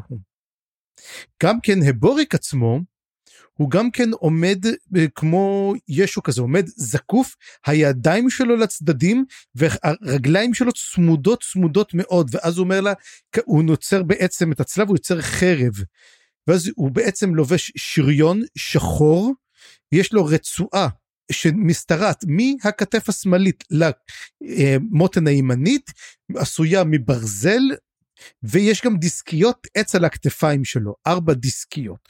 עכשיו, אני אוהב את הדברים האלו כי זה פה עכשיו נוגע לנו להתחיל לנחש אז קודם כל גשר עם להבות מאחוריו זה שורפי הגשרים. שורפי הגשרים כמובן הוא עומד על הסור, הוא עומד על הגשר זאת אומרת מה שמראה שהוא כן היה בסוף שורף גשרים. הוא מוקף על ידי מאמינים לו, הוא מוקף על ידי שומרים. זאת אומרת, יש שומרים, עכשיו הוא אומר מי הם? יש להם פה מוארך, גולגולת פה מוארך עם המון המון שיניים. אני, ויש גם קסדה. קסדות תמיד אני מזכיר לי זה התלן אימס. אבל תלן אימס אין להם פה מוארך. הפה מוארך שיש זה דרקון. או קצ'ן צ'מאלה. כי גם להם היה פה מוארך. או כלבים. או כלבים אבל הוא עומד אבל אז אין להם קסדה אז זה קצת אה, מוזר למעשה זאת אומרת אנחנו עדיין נכון אני יותר חשבתי על טלני מס או חשבתי באמת על, על סוג של טובלקאים או ג'אגים משהו כזה. אז מה זה אף ארוך? הם עכשיו השומרים אבל עומדים על העצמות של של הקצ'ן שמעלה אני חושב. אז מי חיסל את הקצ'ן שמעלה? האם מדובר על אותם קצ'ן שמעלה קצרי זנב שכביכול כמו שהוא השמיד אותם. מי מגן למעשה? או שיש סיכוי שאת הקצ'ן שבא חיסלו הג'גהותים. ומה שאנחנו רואים שהשומרים שלו זה אותם שומרים שיש לו בתוך בית האזף. זה יכול להיות שזה בעצם אתה יודע אה, רייסט וזה יכול להיות שזה גוטוס ויכול להיות כל השאר או שמדובר על האזס עצמו האזף שומר עליו הוא מגן עליו כאדון החפיסה מכל התערבות חיצונית. אני חשבתי שהשומרים זה פשוט השורפי הגשרים. זה mm-hmm. כאילו האנשים שנאמנים לו, שהוא נאמן אליהם, שהם היחידה שלו, שהם אמנם עכשיו הוא לא קשור אליהם, כי הוא בעצם המשיך הלאה, הוא יש לו תפקיד חדש, unaligned, כל הדברים האלה, אבל בעצם יש לו את האנשים שלו, אתה מבין? Mm-hmm. ולדעתי זה מה שכאילו התבטא בקלף, אבל אני לא יודע, יכול להיות שזה באמת כמו שאתה אומר, אולי הכוונה למשהו שהוא מתהווה עכשיו, או כבר יהיה בעתיד, אני לא בטוח. באמת אבל זאת שאלה מעניינת ואת כל הדברים האלה יכול להיות שבוריק הבין הרבה מהם או יודע הרבה מהם יותר משאנחנו יודעים וכשלוריק מנסה להבין ממנו את כל הדבר הזה הוא בעצם גם הם מדברים על הקשר בין המשעולים ולוריק יודע על זה קצת יותר מבוריק אפילו כנראה הם מדברים בעצם על רשן מיינס ותיר שהם בעצם שלשה שמקבילה בין משעולי הטיסטה הקורלד גליין, הקורלד אמורלן והתלן. נכון? כי אנחנו יודעים, נגלה בהמשך, או בפרקים האלה ממש שהתלן זה משעול טיסטאי. הוא שייך בעצם לטיסטה אה, אה, ליוסן. ליוסן, שזה הטיסטה הלבן. ויש לנו באמת, אה, הם, הם אומרים זה סוג של כזה מין קלישאה כזאת כאילו כבר יודעים שיש אולי דמיון מסוים בין הזה לא ברור כמה זה נכון מבחינה במרכאות אני אומר אקדמית אבל הם, הם אומרים שכנראה כן יש קשר ביניהם. כי שלושת המשעולים האלה זה משעול של אור משעול של חושך ומשעול של צללים. ויש לנו את הדבר הזה גם במיינס רשן ותיר וגם בקורלד גליין קורלד מורלן ותלן. אז למה תלן לא קיבל את הקורלד הזה? אני חושב שזה קשור לעובדה שהטיסטה ליאוסן הם לא באמת טיסטה. לא, כאילו... הם, אומרים שהם, הם, הם אומרים שהטיסט אומרים שגם כן הטיסט אדור הגיע אחרי אומרים הטיסט אליוסן. נכון נכון הם, אבל הם הגזע הם, השלישי. הם מראים שיש יותר קשר ל, ל, נגיד לאימא. הליאוסן mm-hmm. אין להם קשר לאימא הם לא בנים של האפלה. הם כן. הם בנים של הם לגמרי בנים של הם לגמרי בנים של האימא של אם האפלה. זה אחד הדברים שצריך לזכור פה אבל וואי אנחנו קופצים לסוף טוב, מה שאנחנו רוצים כן, כן, לדבר. כן, כן נדבר נדבר על זה כשנפגוש את הטיסטה ליאוסן אבל אבל כן. בוא נגיד ככה יש הם מדברים על זה שיש ביניהם קשר בין המשעולים האלה לפחות. Mm-hmm. ויש פה סוג של נקודה שאני הרגשתי שבוריק חושד מאוד בלוריק. ואני חושב שלוריק מתפתח בפרקים האלה כדמות מאוד אניגמטית. הוא יודע הרבה ואני רק אגיד במילה עוד שלוריק מספר לבוריק שהוא צריך בעצם אה, הוא בסכנה. כי ענקי הג'ייד האלה בעצם יכול להיות שהם מקור האות הטארל אפילו או שהם יצורים הם בכל מקרה יצורים שהגיעו כנראה מחוץ לעולם יכול להיות שהם קשורים באמת להגעה של האל הנכה לעולם הזה כי אנחנו יודעים שהוא דמות שהגיע ממקום אחר מיקום אחר או משהו כזה אבל לוריק אומר לו שהוא נמצא בסכנה וזה שבעצם המסך הולך ונהיה חלש יותר בין אבוריק ולחלומות האלה שבאים ותוקפים אותו מראים שהדמות שנמצאת בו וזה משהו שגם פליסין הצעירה מזהירה אותו בהמשך זה אומר שאבוריק צריך לטפל בבעיה הזאת ומהר. וכנראה שאבוריק באמת יצטרך לצאת למסע ואני חושב שמה שבוריק חושד בלוריק זה שלוריק הוא לא מי שאנחנו חושבים שהוא. ויש לי פה תיאוריה קטנה צפריר ואני לא יודע אם זה. כן עכשיו עכשיו תבינו הוא כותב לי פה במהלך הימים האחרונים לאוריק הוא שלוש נקודות שלושה איקסים כאילו ואז אני אומר אוקיי אז הוא רוצה גם להפתיע אותי פה אז זה וואחה תיאוריה. טוס איתה. אני לא יודע שוב זה לא אה, תיאוריה יותר מדי מבוססת אבל יש לי האנץ' וההאנץ' הוא שלאוריק הוא אוסריק. מה הקשר? כן. מה הקשר לאוסריק? מה הקשר? הקשר הוא שאני חושב קודם כל השיחה פה על, על משעולי הקורלד הם לא סתם אני חושב שיש לה באמת פה מקום קצת לתת לנו איזשהו רמז על היכולות הידיעות העמוקות מאוד של לאוריק ועוד מעט mm-hmm. נבין שהוא לא באמת חלק מכל המשחקים הפוליטיים פה הוא לא ממש הוא לא יחד עם הקושרים mm-hmm. שזה קורבלודום וחבריו והוא לא עם uh, לאומן ו, ו, וקרסה, אנחנו כן מבינים שהוא מין דמות בפני עצמו. אז איך הוא הגיע לשם? מאיפה הוא הגיע? למי הנאמנות האמיתית שלו? כל השאלות האלה. דבר שני, אנחנו נכיר בפרקים האלה גם טיסטלי יורסן ונראה שהם לא יודעים איפה הוא נמצא, שהוא הלך לאיבוד. אז לאיפה הוא הלך לאיבוד? אנחנו יודעים שאוסריק היה פעם בעבר חבר של אנומנדר רייק ושדרכיהם נתפצלו, סליחה, לא, לא, של איקריום. גם גם עם אנומנדר רייק הם היו מתווכחים גם אנומנדר רייק וגם איקריום הם היו מתווכחים.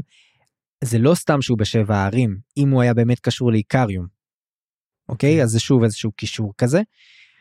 אמ, וגם הם מזכירים שם בשיחה את קימלוק נכון? כן. וזה באמת מזכיר לנו את ה... את ה כשדיברנו על פידלר הקשר לשיר הזה. שהוא דיבר על המחזוריות אבל... ככה הוא מדבר בעצם לאוריק מספר את זה כן. כן תשמע, לוריק הזה יודע יותר מדי. אבל מה הקשר? אני חושב... אבל דווקא אוסריק. כן, לדעתי דווקא אוסריק, כי זו דמות כזאת שאנחנו עדיין לא יודעים איפה היא, ואנחנו לא יודעים מה היא עושה, ואנחנו לא יודעים מה הוא רוצה. אמרתי לך, זו לא תיאוריה סופר מבוססת, אבל משום מה אני מחבב אותה. אני נאלץ בינתיים לשים את זה בסימן שאלה גדול, אבל בסדר, you know.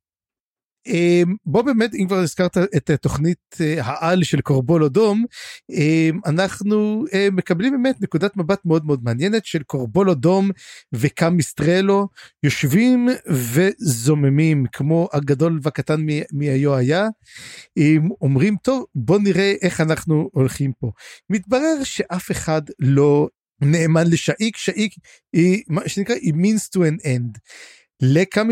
לקורבול אדום ולקמיסטרלו יש להם הם, משהו שהם מתכננים לעשות. ומדובר פה על השתלטות. אז בוא אני אציג פה, רשום פה, מה בעצם השלבים הנהדרים של הבגידה שלהם. דבר ראשון צריכים לזכור שיש לשאי שלושה קוסמים, יש לה את בידיטל, פבריל ולאוריק. קמיסטרלו הוא לא נחשב אחד מהקוסמים, הוא נחשב קוסם צדדי, הקוסם של קורבולודום.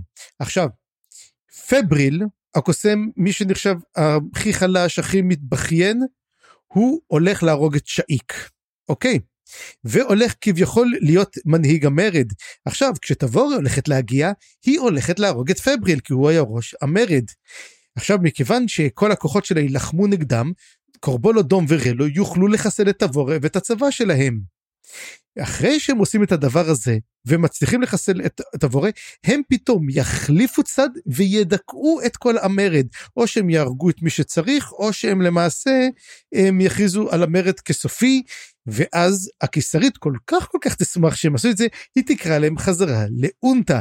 הם יגיעו לאונטה, יהרגו את הקיסרית, תוך כדי זה הם ישיגו בעצם את השלטון בקיסרות. ויחד עם זה גם שותף אה, מליקרל למרות שלא בטוח מה התפקיד שלו ואם התפקיד שלו הוא גם כן אולי הוא לחסל את המקרה הידוע שמליקרל די ברח כבר והגיע. תוכנית מאוד שאפתנית. אני רואה בה את החורים אני לא יודע אם אתה עושה בחורים אבל אני רואה המון המון חורים משם ושים לב גם כן שקורבול שקורבול אדום כחצי נפנים מאוד לא סובל את לסין שים לב כמה הנפנים והחצי נפנים חוץ מנוק בעצם מאוד מאוד לא סובלים את לסין. מצד אחד לא סובלים אבל אנחנו רואים שלקורבול אדום יש רצון עז לחזור לאימפריה אולי אמנם לשלוט בה אבל הרי אנחנו יודעים שהוא היה חלק מהאימפריה בעבר. אז יכול להיות שמשם כבר יש לו את כל התוכנית הזאת כבר מאז הוא, הוא מתבשל עם זה ובונה את זה כבר הרבה מאוד שנים. אה גם אומרים מה, מה הסיבה שקורבולו דום מתנהג ככה הרי אומרים שקורבולו דום אה, סגד לוויסקי ג'ק. וזה שהוא שמע שוויסקי ג'ק מת זה זעזע אותו. או שהיית מגיע והוא בעצם האמין למה הוא עזב בעצם כי הסיבה ש... וויסקי ג'ק לא הפך לו את הקיסר אחרי קלנבד, הייתה עבור קורבולודום הבגידה הגדולה ביותר שלו. הוא היה רוצה שהוא, שבעצם וויסקי ג'ק יבוא ויטען לקיסרות, אבל לא, הוא, לא רק שהוא לא הפך להיות, הוא גם הפך להיות uh, סמל, מה שדי גרם לקורבולודום בסופו של דבר לקבל את התפקיד שלו, ובסופו של דבר הוא גם פרש, הוא אמר אני גם לא עושה את זה יותר. מה שהביא דוז'ק לקבל את התפקיד שקורבול, אחרי שקורבול אדום um, פרש ועזב um, עם אותה פילגש בשבע הממלכות. וזאת למעשה בעצם התוכנית העל של קורבול אדום. Uh, ומה אתה אומר יש uh, סיכוי לתוכנית הזאת לעבוד אתה אומר שתמו ימיה של uh, לסין? לדעתי ממש לא השאלה אם תמו ימיו של קורבול אדום והשאלה השנייה זה כמה נזק הוא יספיק לעשות לפני שימיו יתומו. כן אנחנו גם צריכים לזכור Um, עוד דמות אחת שאנחנו שמופיעה פה um, יש עוד כמה קוסמים אחת הקוסמות שמופיעה פה ומדברים עליה זאת אחת בשם פייל אנחנו נדבר עליה קצת יותר מאוחר גם כן מי ומה היא. כן אה, אה, ועוד נקודה קטנה כן כן כן ועוד נקודה קטנה זה שאני לא חושב שהתוכנית שלו גרועה מבחינת להרוס את המרד של שאיק. זאת אומרת בשלב הזה אני חושב שהוא יכול לעשות המון נזק. אני מאוד חושש לפליסין שאיק ובעצם הצד הזה. כן השאלה כמה נזק הוא יעשה. השאלה עצמה אם מי יעצור אותו? האם זה יהיה לוריק אוסרק? בוא נלך איתך עד הסוף או שזה יהיה לא יודע לאומן לאומן וכתובלקי די לא כבר בקטע הזה. היחידי שיכול לעזור לזה בורי וגם הוא צריך לעזור. זאת אומרת אנחנו רואים את כל השומרים של הנעלמים סיכוי מאוד מאוד לא טוב שבכלל שתגיע, תבורי כבר פליסין כבר לא תהיה איתנו, כבר אנחנו רואים את, את זה. אה, אוקיי.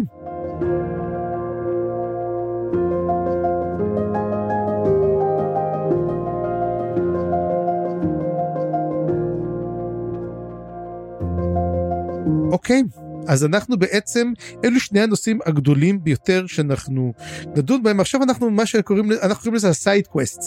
הרי אנחנו נתקלנו בכל מיני side אה, quest אחרים, ונוכל לראות הפעם את ה side quest ים שלנו שמדובר על כל החבר'ה הצדדיים, ונתחיל עם לוסטר רעיל ועם פיני.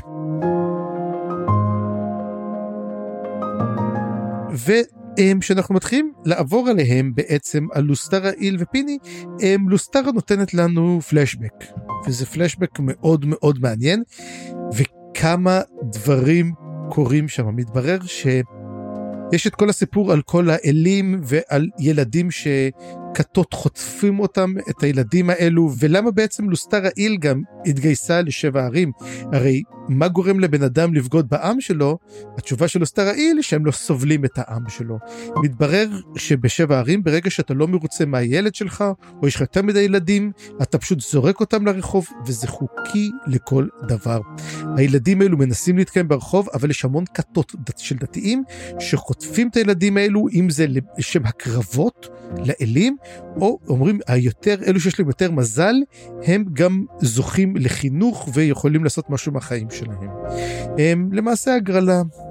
ולוסטרה איל נזרקת בגיל מאוד צעיר, והיא מגיעה, חוטפים אותה. היא מצליחה בסוף להיחטף, ומי שחוטף אותה זה לרשן, שזה בית הצללים. עכשיו יש לי שאלה רגע, אם רשן זה בית הצללים, אז מיינס הוא לא גם בית הצללים? אז מה בעצם, ה... מה בעצם של החושך? אני חושב שמיינס זה באמת היותר קשור לחושך. זה יותר המשעול המקדים לצללים. באמת נראה לי שבהקבלות שעשינו מקודם, מיינס היה מקביל לקורלד גליין, ורשן היה מקביל לקורל דה מורלן. טוב, זה מעניין שלאנושות אין לה גישה למשעול החושך. כי מיינס ורשן כולם מתבלבלים ביניהם, גם, גם אנשים מתבלבלים, אומרים, רגע, למה יש להם כזה או כזה, זה כאילו... אולי זה קיים בגלל שיש לנו מישהו שיושב על הכס של משעול אפלה והוא לא נותן כל כך להיכנס. זאת יכולה להיות אופציה.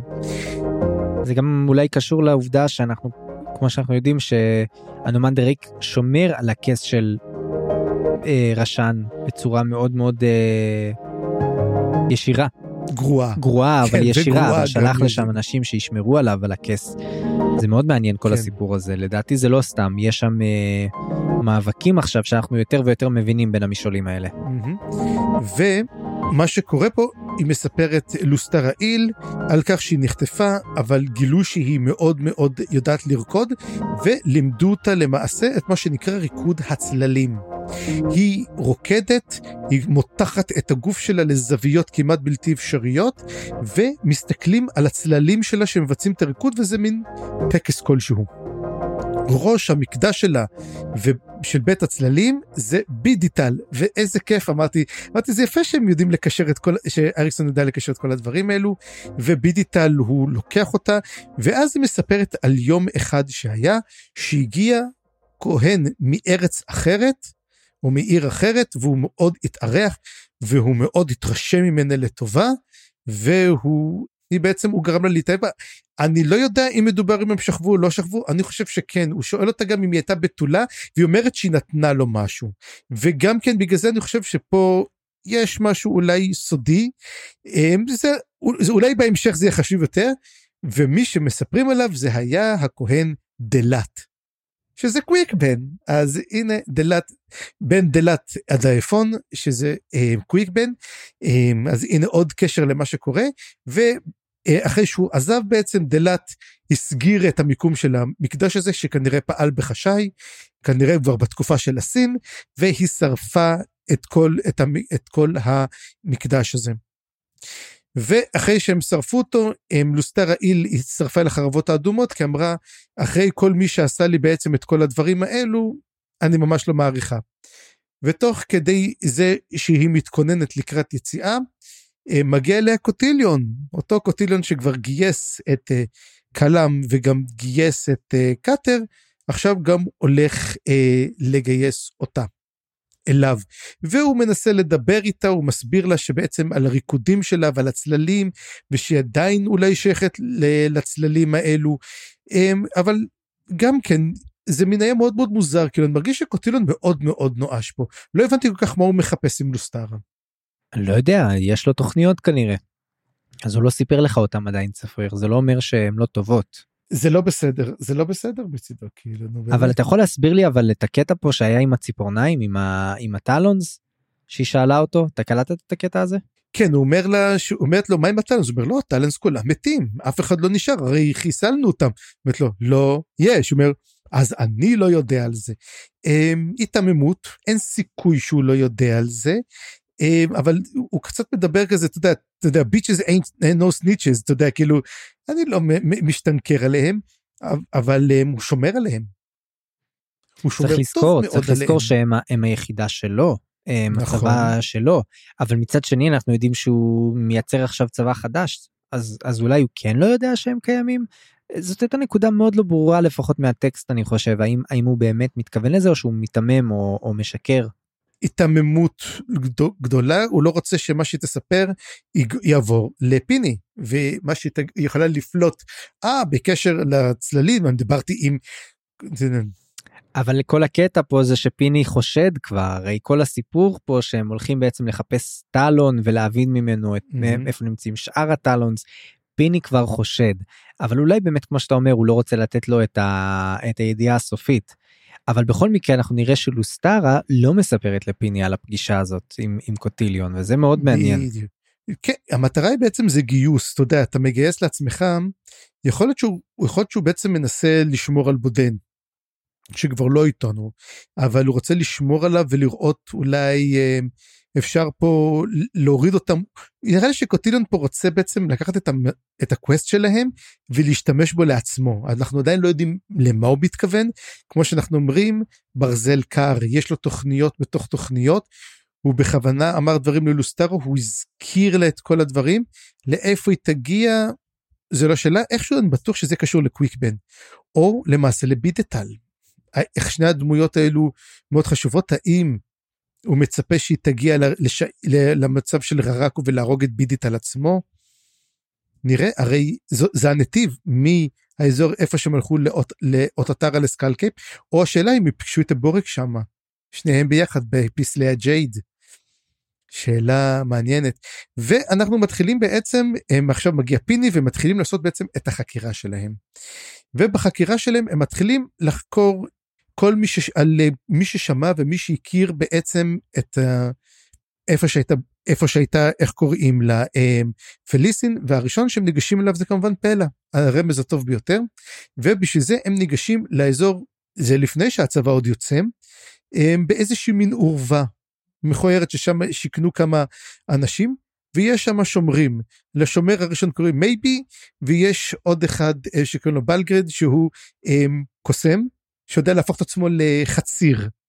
שזה גם כן מין אשליה שזה מיינס זאת אומרת עוד פעם עוד קוסם ממיינס שמגיע. וכשהם מתחילים לדבר אומרים איפה פלא? בוא ניכנס. ואז הוא כל כך שמח על עצמו בלגריד שלא זיהו שאני חציר. ואז כשהם נכנסים אז אומר אומר אה, פיני אומר מה, מה זה זה הבחור שהתחפש לחציר? כאילו מה הסיפור שלו? כאילו הוא אומר וואי אתה כזה טוב לא גילו אותך. ואז כשהם נכנסים עלו עליו לגמרי. אגב הוא גם ידע כשהיא דיברה עם קוטיליון שהיה שם איזשהו כוח מגי הוא שם לב גם את זה כן. הוא מריח כן הוא מריח את זה כן. הוא מריח את הצללים אז היא אומרת לו מה אתה חושב אני הייתי פעם בצללים אני רקדתי זה עזר לי אה, אני כאילו כמו יוגה בשבילי ואז הוא אומר אה אוקיי לא יודע כמה הוא קנה את זה אבל הוא, הוא כן פיני אומר בסדר אבל הוא מקבל את זה אז אה, פיני בא אה, בעצם אה לא בעצם הוא בא, הוא בא אל, לדבר עם גסלר ועם סטורמי. מי שהיו בסילנדה זה מה שהוא בא לדבר איתם עם פלא הוא גם כן ידבר בכל מקרה. ואז הוא מגיע למעשה לעיר ורואה שסטורמי ישן. וזה היה קטע מאוד מאוד מצחיק שהוא בעצם אומר לו להעיר אותו אז אומר לו גסלר שמע הבחור ביקש אל תעירו אותו.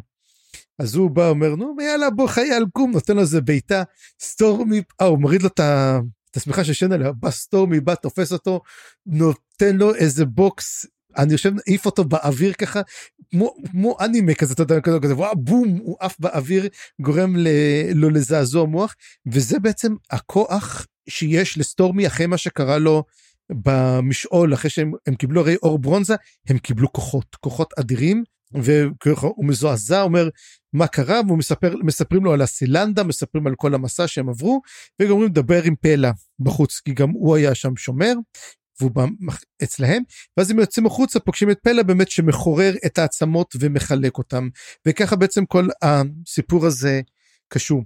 아, רגע רגע אני אני אגיד רק אני אחזק אחדד פה שהוא שלח okay. את דוסטרה כן. שכאילו ת, ת, ת, תשתמש בקסמיה הנשיים נגד אה, פלא בעצם ותפתה אותו שיספר לה את כל הדברים ואז הם בעצם שומעים את אותו סיפור פחות או יותר משתי זוויות שונות ומוודאים את האמינות פה של ה, אה, מה שקרה עם הסילנדה.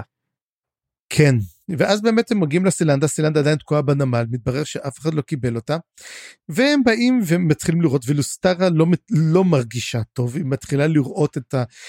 זה להקיא והם אומר לה הנה בוא נסתכל הנה ואז הם רואים את כל הקפטן ואז הוא אומר אה הנה עם החנית ואנחנו נזכרים עוד פעם בטובלקאי ובכל מה שעשה הם למעשה לא מבינים כל כך מה, מה הולך שם הם מבינים שכן בשביל להזיז את המשעול את אותם הם צריכים את המשרוקית.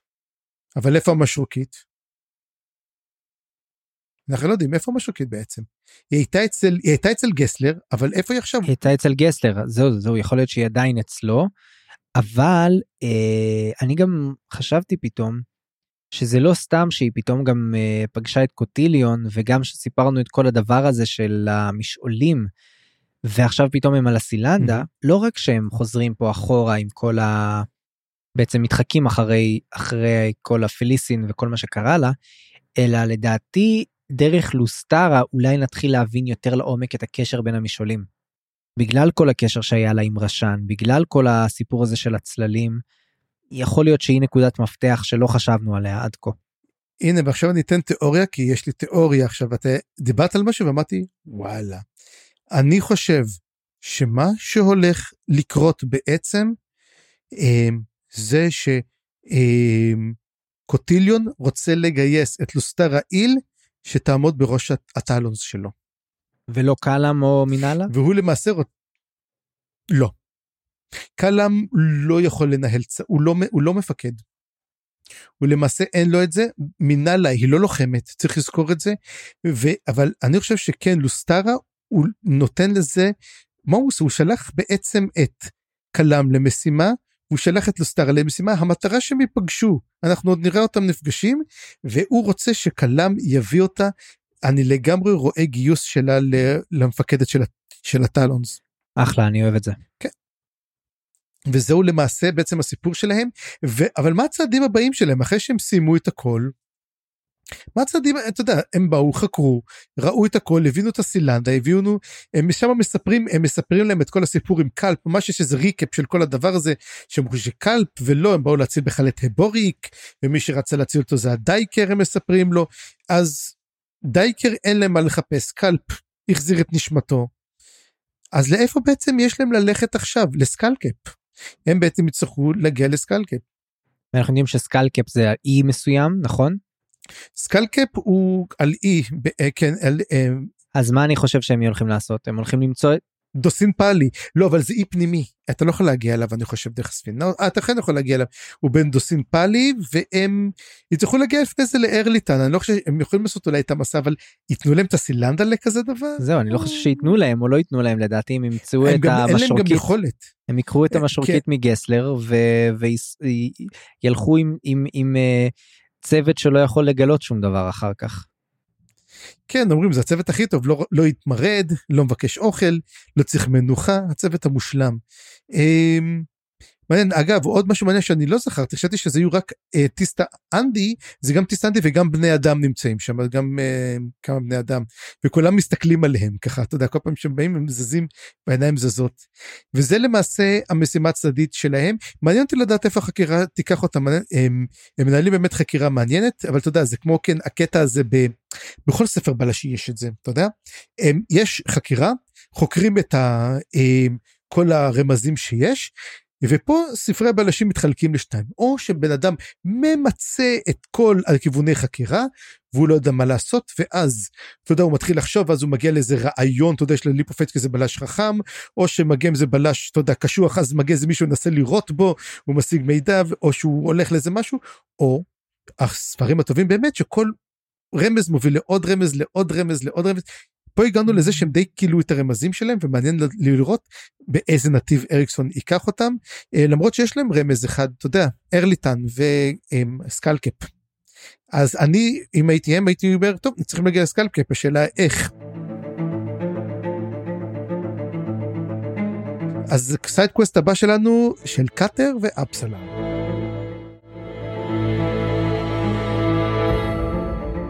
אז אה, קאטר ואפסלר אה, נוסעים לדריפט הוואלי ומגיעים אליו די מהר זאת אומרת הייתי בטוח אתה יודע תיקח איזה פרק 2 לא הם ממש מגיעים אליו עכשיו משהו שלא חשבתי עליו הם צריכים לעגון עם אי שזז. רגע רגע לפני זה לפני זה בוא רק נדבר על העובדה שהיה שם קטע מגניב שקאטר מדבר על זה שאפסלר לא קיבלה יפה את הדיל שלו עם קוטיליון.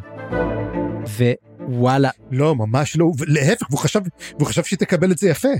היא ממש לא קיבלה את זה טוב. אתה יודע מה אולי אפילו אני קצת אלמד עליו זכות אני חושב אולי הוא לא בהכרח חשב שהיא תאהב את זה אבל לפחות הוא חשב שזה יעזור, לה, יעזור לו להבין אותה יותר. כי הרי היא, היא נשלטה על ידי קוטיליון הוא חשב שבזה שהוא יעבוד עם קוטיליון הוא יבין אותה יותר טוב. לא הבן אדם פישל בגדול נראה לי שהם אה, לא היו אז במצב ממש ממש טוב. אני לא חושב, תראה, לאט לאט אתם מבינים, אתה יודע, זה קצת כמו קרוקוס, הרי התאהב בכל הנשים שהוא ראה, הוא ראה את צ'אליס והוא התאהב בה, הוא ראה את, אה, אפס, את אה, סורי, עוד שהייתה סורי והתאהב בה, זאת אומרת אין לו טעם טוב בנשים. ומה שקורה הוא כאילו מתאהב בהן, אבל הוא עבר מסע. וברגע שהוא עבר את המסע כאילו בא באמת ללוות את אפסלר בשביל לראות מה קורה איתה כאילו מצא חן בעיניו, לאט לאט הם מגלים שהם לא מתאימים. ובעוד שאפסלר היא סובלת מאותה דבר, קרוקוס, ועכשיו קאטר מאוד נהנה. להיות מתנקש, הוא מגלה שהוא טוב בזה, הוא מתאמן בזה, הוא, אתה יודע, הוא כזה, מין, עושה את זה כאילו, אתה יודע, הוא הופך להיות מתנקש, הוא אומר, אוקיי, זה מי שאני וזה, ו, ואפסלר מנסה להתרחק, אתה יודע, ברגע שהוא מנסה להתקרב אליו, ככה הוא בעצם מרחיק אותה יותר ממנו. I, I, I give it a year. אני לא חושב שהם יישארו כל כך ביחד.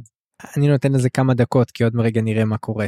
וכן ואז בעצם תחשוב אני לא חושב אתה יודע בעצם מה שהוא מנסה לעשות זה לקחת ים סוער ולהיכנס לתוך אי שגם כן נע במהירות זה משימה לא נורמלית וזאת סירה קטנה כזאת איזה דינגי כזאת עם איזה משות או משהו כזה ועם איזה טילר שהם יושבת אה, איך קוראים לה אפסלר על ההגה ומזיזה אותו והם צריכים למצוא איזה דרך להיכנס לאי הזה שהאי הזה זז אז הם צריכים קודם כל להשוות איתו מהירות ואז להיכנס אליו ואתה יודע לעשות את זה בזווית נכונה והם מנסים לעשות את זה מוצאים איזה כוך הם נכנסים אליו ודוגרים לא עושים את זה בצורה הכי טובה אנחנו מגלים אחר כך שיש רק נקודה אחת לנחות וזה לא שמה. והספינה מתרסקת וקרוקוס כמעט טובע וקאטר זאת אומרת נקרא נקרא לו קאטר כמעט טובע אבל הוא מצליח להחזיק את הראש למעלה והוא נשטף לחוף. ומי ש... ואז מגיע אדם זקן שחור זה טיסטה אנדי.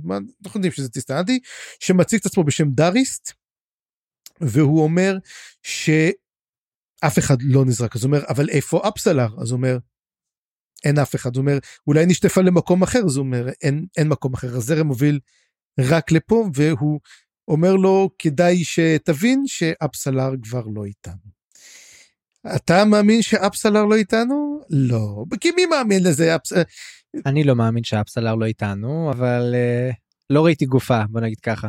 לא, לא הורגים אותה בעמוד כל כך מהיר. כן, לא, אז זהו זה. אבל מה קרה לאפסלר? אנחנו לא יודעים. בכל מקרה, הוא לוקח אותה, אה, הוא אומר, טוב בוא מהר, אנחנו צריכים לרדת מתחת לאי, זאת אומרת האי יש לו גם כן קרקעית שאפשר לרדת עליה, ולמעשה אומר, תשמע, יש פה מלחמה למעלה. הוא אומר, מה אומר זאת המלחמה של נגד הטיסטי אדור, אנחנו נלחמים נגדם. מדובר כנראה על הכס.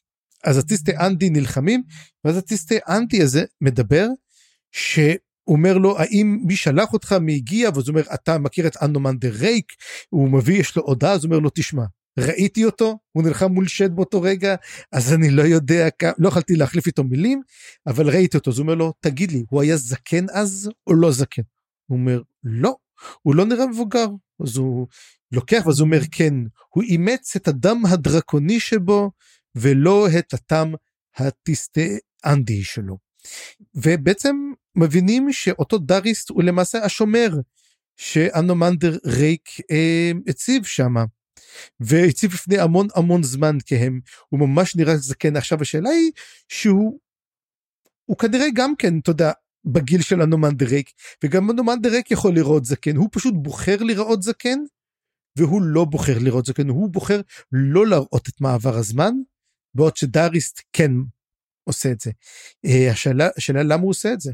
שאלה מצוינת. כן, אני רוצה גם תשובה. בגלל זה יש שאלה מצוינת. מי, מי הוא דאריסט בעצם? עכשיו, האמת היא פעם אחת אני אמרתי איזה משהו וזה יצא לי משהו מוזר ואמרתי אה אולי עליתי משהו אני רציתי להגיד וכתב רציתי להגיד דאריסט ואנומנדר ויצא לי אנו, איך זה אנומנדריסט. מה הקשר? אה אנומנדריסט אוקיי. אנומנדריסט ואז אמרתי רגע לא זה אנומנדר הנומנדריסט. יצא לי פה וזה פשלה אז אמרתי רגע זה פשלה טובה אז אולי יש קשר ביניהם אולי הם בני דודים אולי הם אחים אנחנו לא יודעים יש להם אחים אנחנו יודעים משהו על אחים של אנומנדרייק זה אבא שלו אני לא יודע אולי זה אבא שלו. אבא של מי?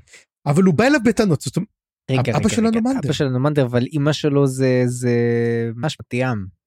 אז איך אבא שלו? תיאם אם האפלה. אה, ועכשיו אני רוצה לדבר משהו על תיאם ועל הטיסטה בעיקרון. אוקיי. אנחנו נדבר על זה כמובן גם כן על הליוסן, כי אנחנו ניתקל בליוסן. ואנחנו נתקלנו כבר באדור ואנחנו ראינו את האנדי המון. תיאם, אותה אם אם האפלה, מה שהם קוראים לה, היא לא למעשה אם האפלה. תיאם היא הדרקונית הגדולה. ומה זה אומר? אנחנו נבין שיש בעצם את היצור שהוא הדרקון נקרא לו, הוא יצור מאיזה גזע קדום, דר... האליינט, אותם אליינט שאנחנו מדברים, והיא בעצם הלכה, לפי, אם אתה זוכר בעצם את ה... כבר בספר הראשון מגיעה המיתולוגיה, ואומרים, אמא אפלה הביאה את הילדים הטהורים, אלו תסטי אנדי, הבכורים. אז היא הביאה את האור, והביאה את הטיסטה ליוסן. עכשיו, אין סיכוי שאם אם אפלה, שיהיה ליוסן לבנים כמו שהם נראים אם אנחנו מסתכלים קצת על אלפים אז אנומן רקע כמו דריסט ואלו אלפים רגילים. הטיסטליוס אנחנו רואים גם שמתנהגים אשכרה כמו אלפים שאנחנו נדבר עליהם. ואז מגיעים הטיסטי אדור שהם בעצם השילוב שלהם. עכשיו חשוב מאוד לזכור את הדבר הזה שהם הטיסטי אדור ובעצם כל מה שקשור לצללים הוא בעצם השלכה של האור על החושך. ואנחנו רואים את זה. אומרים שעדור נוצרו כנחמה כביכול.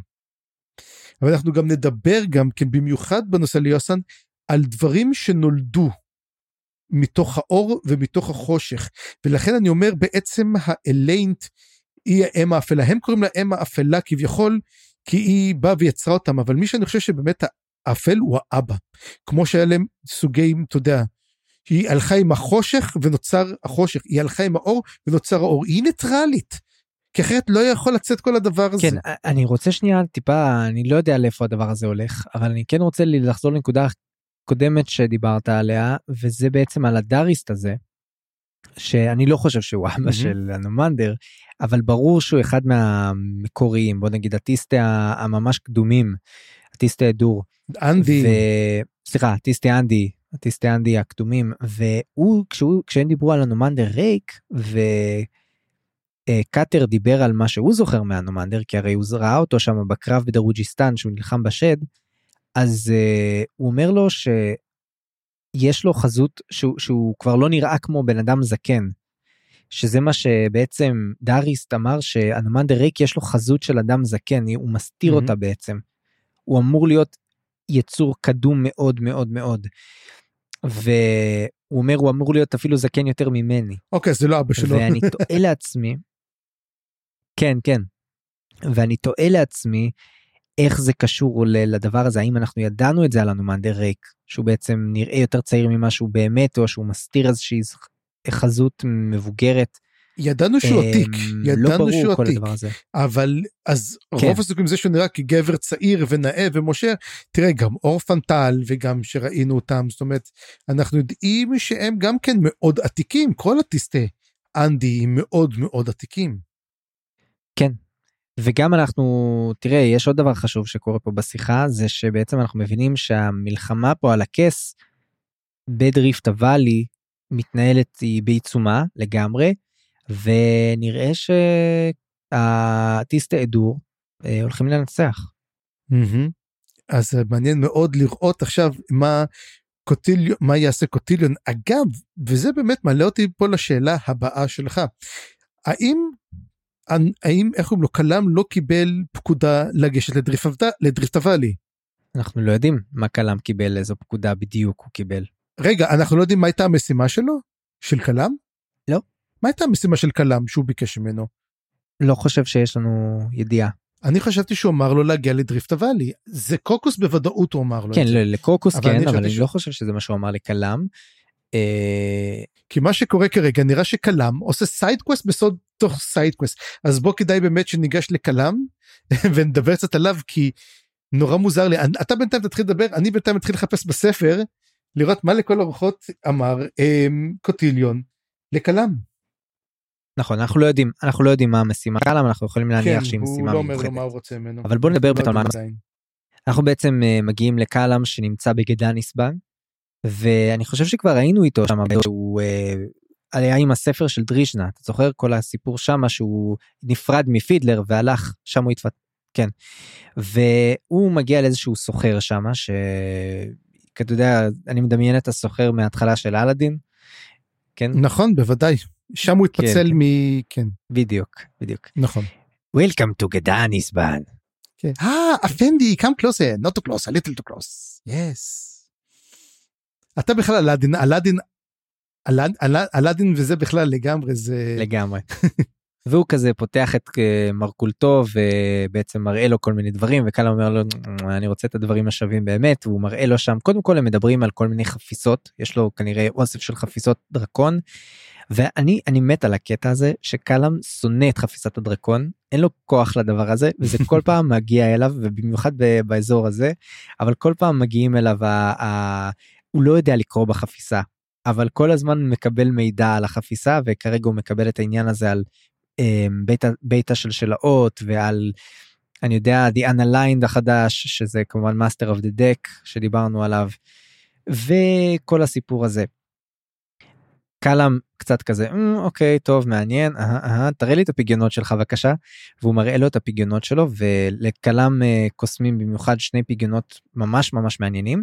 אני כתבתי פה קצת שהיא אין לי ממש מושג מה קורה איתם ושל מי הם היו אבל כנראה שאת כל הפגיונות האלה הם השיגו משרשרת הכלבים. ואתה יודע מהשאריות שם שאחרי שהרגו את כולם אבל שני הפגיונות המיוחדים שקלאם לוקח אחד מהם זה פגיון ויקני שיש עליו אה, אות טרל בעצם בקצוות הוא לא עשוי כולו מאות טרל ממה שאני מבין אבל הוא laced with אה, אות טרל. והפגיון השני זה פגיון עם איזשהו כוח קסום אלדר מג'יק שהוא לא אומר מהו אבל לכלם הוא כלם יודע מהו זאת אומרת יש שם איזשהו סמל איזשהו חותם שכלם מכיר אותו. זה אלה רמזים צפריר. אין לי מושג של מי הפגיונות האלה. אני חושב שהוא אומר אולי זה שהיה של קוטיליון? לא זה לא יכול היה להיות של קולטיין. לא, סליחה. אה, אולי זה יכול היה להיות של קולטיין? לא לא זה לא של קולטיין אין מצב. לקולטיין היה פגיון ארוך אנחנו יודעים את זה. בקיצור לא ברור של מי הפגיונות יש לך איזשהו רעיון? לא. לא אומרים מה זה וגם זה מוזר מאוד שלוויקנים יש אה, אתה יודע אוטטרל גם כן. זה מאוד מאוד מעניין. זאת שאלה יכול להיות שזה דברים שמצאו במקום אחר אגב הנה עכשיו שאלה לך למה למה קלם בכלל קונה פגיונות למה הוא צריך. הנה זה כי קרה למשל הפגיונות. הם נשברו לו שני הפגיונות שלו הלכו כן, כן, בספר השני אז כן אהבתי את זה שאתה יודע שלא כאילו הוא יהיה על צר לא לא הוא עוצר הוא הולך לקנות זה יש בזה קצת משהו ריאליסטי שמאוד מאוד אה, אהבתי את זה גם כן הוא אמר שגם כן הפגיונות לא באותו אורך. זאת אומרת אחד מהם קצת טיפ טיפה ארוך יותר מאחר. הוא אומר שזה כאילו זה לא זוג מושלם זה לא זוג ביחד זה כאילו כל אחד הוא קצת אחר המשקל שלהם קצת שונה אבל הוא he will make it work.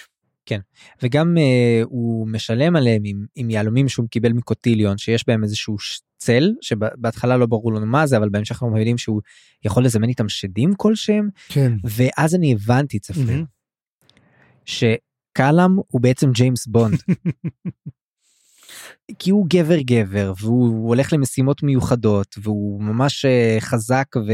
ועשוי ללא חת ויש לו צעצועים מגניבים שעושים דברים ממש הזויים גאדג'טים כאלה שהוא יודע להשתמש בהם אם זה האבנים של אה, של קוויקבן או היהלומים של קוטיליון. הוא יודע להשתמש בהן בצורה מאוד מאוד טובה. הנה ואני אתן לך את ההוכחה אה, לזה קוויקבן זה קיו אפילו האות הראשונה שלהם היא אותו דבר. אה זה זהו זהו ו... סגרת לי את הפינה. והם זה W זה וויסקי ג'ק היה צריך להיות הפוך. אבל כן. Mm. אז זהו קונפירמד uh, מה שנקרא. כן.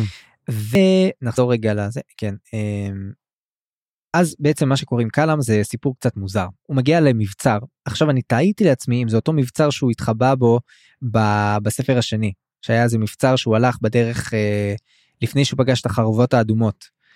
Um, תהיתי לעצמי אם זה המבצר הזה או לא לא נראה כאילו לי לא היה לי ב... לא נראה לי אני לא זוכר בדיוק איך קראו לו לא משנה. אומרים שזה ברידיס זה משהו אחר לגמרי זה גם הוא נמצא על צוק זה משהו כן, אחר כן, לחלוטין. כן. בכל מקרה הוא, הוא בעצם מה זה המבצר הזה זה בעצם המעוז האחרון של המלזנים באזור הזה שבעצם נשאר שם נשארה שם מובלעת של מלזנים שנמצאים במבצר והם בעצם יש שם את מי ששולט על המבצר מסתבר זה קפטן קיינדלי.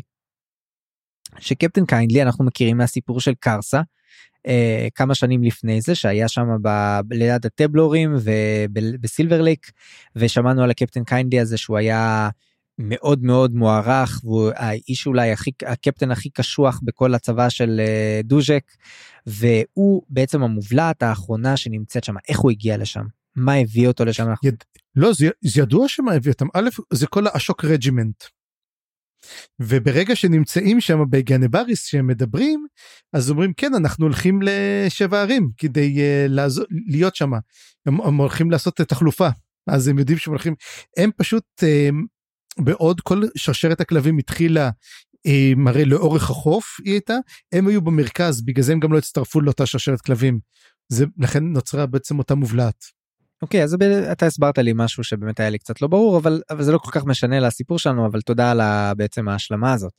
בכל מקרה אה, קלאם לא מצטרף לקיינדלי הוא מצטרף בעצם לצבא של קורבול אדום ש, שבעצם אחראי להרוס את המובלעת הזאת להשתלט עליה והם צרים על המבצר. וקלאם כאילו מצטרף אליהם עושה את עצמו כאילו הוא אה, אה, ככה הלך משרשרת הכלבים ושיש לו איזושהי משימה ובלה בלה בלה קיצור מתחזה להיות בצד שלהם. ויש שם איזושהי מכשפה או קוסמת שנראית די מפחידה ומסתבר שהיא בעצם בעצם בעצם שייכת למלזנים. והיא סוג של הסתננה שמה ועושה את עצמה מגית נעלה למרות שהיא סתם איזה מגית מתלמדת שבקושי יודעת לעשות כל מיני אשליות של מאנס. וקאלה מצטרף אליה קוראים לה סין אגב והוא מחליט לשתף איתה פעולה ובעצם להגיע למבצר של אה, להיכנס לתוך המבצר ולהבין מה קורה שם ואולי להציל אותם משם להוציא אותם משם. לא ברור למה קאלה מסתבך בכלל בכל הסיפור הזה וזה מה שהיה הכי עצבן אותי בפרקים האלה כי זה פרקים טובים יש שם פעולות מגניבות אני אוהב את קאלאם אני אוהב את השיטות המעניינות שבהם הוא עושה דברים אבל למה כל הסיפור הזה חשוב לי לא היה ברור. אה, אולי עוד מעט תסביר לי מה קורה שם אבל אבל בכל מקרה אנחנו מבינים שהוא מצליח להיכנס פנימה ואנחנו מבינים שהוא משתמש ביהלום הזה שקוטיליון הביא לו בשביל להוציא איזשהו שד שטובח שם בכל האנשים ואז הוא מצליח לחתוך פנימה וקיינדלי לא נמצא. ומי שנמצא שם זה, ה... זה מישהו שכבר פגשנו בספר אה, מקודם עם קרסה איך קראו לו שם שכחתי. אמ, יש לו שם שנייה שנייה שנייה. זה לא קורד? קורד? נראה לי זה קורד היה. כן קורד קורד קורד קורד כן כנראה. איריס?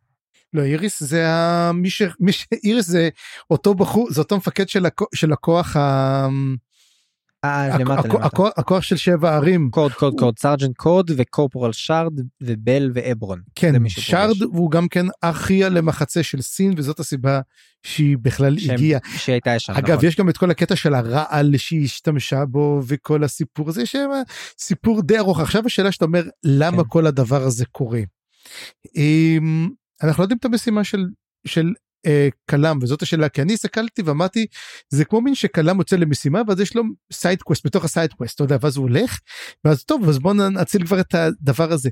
הוא מחפש משהו השאלה מה ולמה כן. הוא נמצא בגדניסמן האם המשימה שלו היא לחדור לתוך ראקו ויש איזה אזור שניתן לחדור אליו באמצעות אותה טירה? כי אנחנו רואים שהטירה מגיעה מתחת לאדמה. האם יש דרכה דרך להיכנס לתוך ראקו יכול להיות עדיין לא ידוע. אג ומה שקרה לקפטן קיינדלי זה um, הוא מת זהו אין כל כך הרבה מה להגיד עליו. לא לא לא לא מה שאני שואל את עצמי האם קורד עשה לו משהו ברור דחף, האם הייתה פה איזה ברור דחף אותו לבאר. אותו ואת הסגן שלו ברור שהרג אותם. כן כן אז אז, אז השאלה שלי האם באמת הם עדיין מלזנים או האם הם מנסים איכשהו תראה קיינדלי הוא היה איש נערץ איזשהו קפטן אני, ממש אגדי לא, כזה. הוא לא נחשב נערץ הוא נחשב לקפטן פשוט הקשוח שכולם שנאו אותו. 아. אה. אמ, אחד הדברים ובשים לב אומרים את זה גם כן המון המון אמ, דווקא בנושא הזה של אמ, איך קוראים לו של פידלר.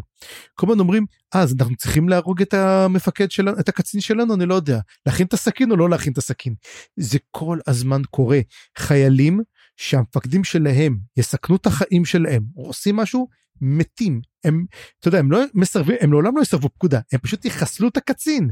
זאת אומרת זה, הם, אנחנו ראינו את זה גם שזה קרה הרבה הם, עוד לפני זה הברידג' ברדרס היו ידועים לשמצה שהם עשו את הדבר הזה ואנחנו רואים כן. שהדבר הזה גם חוזר על עצמו. זאת אומרת כנראה קיינדלי הם גם אמרו שהם יכולים להישאר אתה יודע במבצר הזה כל הזמן כאילו הם יכולים לעשות מתי שבא להם פשוט אין להם לאיפה ללכת זאת הסיבה היחידה שאפשר לעשות את זה ואז שהם מגיעים לשם עם החבל ועם האזלן אותו שד צללים שקאלה מזמן אגב זה זה כזה מצחיק השד הזה שהוא כל הזמן מחייך ואז פשוט קורד רוט אומר לו תגיד לו שיחייך לכיוון אחר הוא כבר לא יכול לסבול את השד הזה והוא. אמ, מגיע פשוט קורד הם כנראה אמר להם בואו נצא להילחם בהם והם נזרקו פשוט לבאר. כן טוב תראה אני אני שוב זה side quest מוזר מאוד אני מתלבט לאיפה זה מוביל אה, וגם אני מתלבט עם קורד יאריך ימים כי נראה לי שהוא קצת אה, מנסה לעשות פוזות על קלאם ואני לא חושב שזה יעבוד לו טוב. שאלה שאלה שאלתית כמו שאומרים תראה אנחנו רק התחלנו זו סצנה ראשונה מתוך arc כלשהו ו... אבל מה שכן יהיה כיף לראות את זה גם כן אה, לאיפה זה יוביל וכיף לראות את אותם חבר'ה שגם תפסו את קרסה אורלונג ואולי הם ייפגשו שוב פעם עם קרסה אורלונג. למרות שנראה לי שלא זה נפגשים ומתפצלים נפגשים ומתפצלים כל הזמן. אז יאללה בוא נעבור ל side ל side quest האחרון אחרון חביב טרל סנגר התגעגעתם אליו האמת אני חייב להגיד שכל הפרקים של טרל סנגר מרגישים לי כל כך אבל כל כך מנותקים מהספר הזה. כלומר הם, יש איזשהו אבל תמיד יש כזה תמיד יש כזה side כמו זה כמו טוק וליידי אנבי בספר כן, הקודם כן, שרק בסוף אבל, זה אבל, נהיה אבל היה איזשהו קשר הם ידעו שהם הולכים לקראת הפניון דומין. פה אנחנו לא יודעים מה הם מי הם מה התקופה מה קורה אין לנו שום מושג טרל סנגר ואונרה כמו שאמרנו עוד זוג שמגיעים.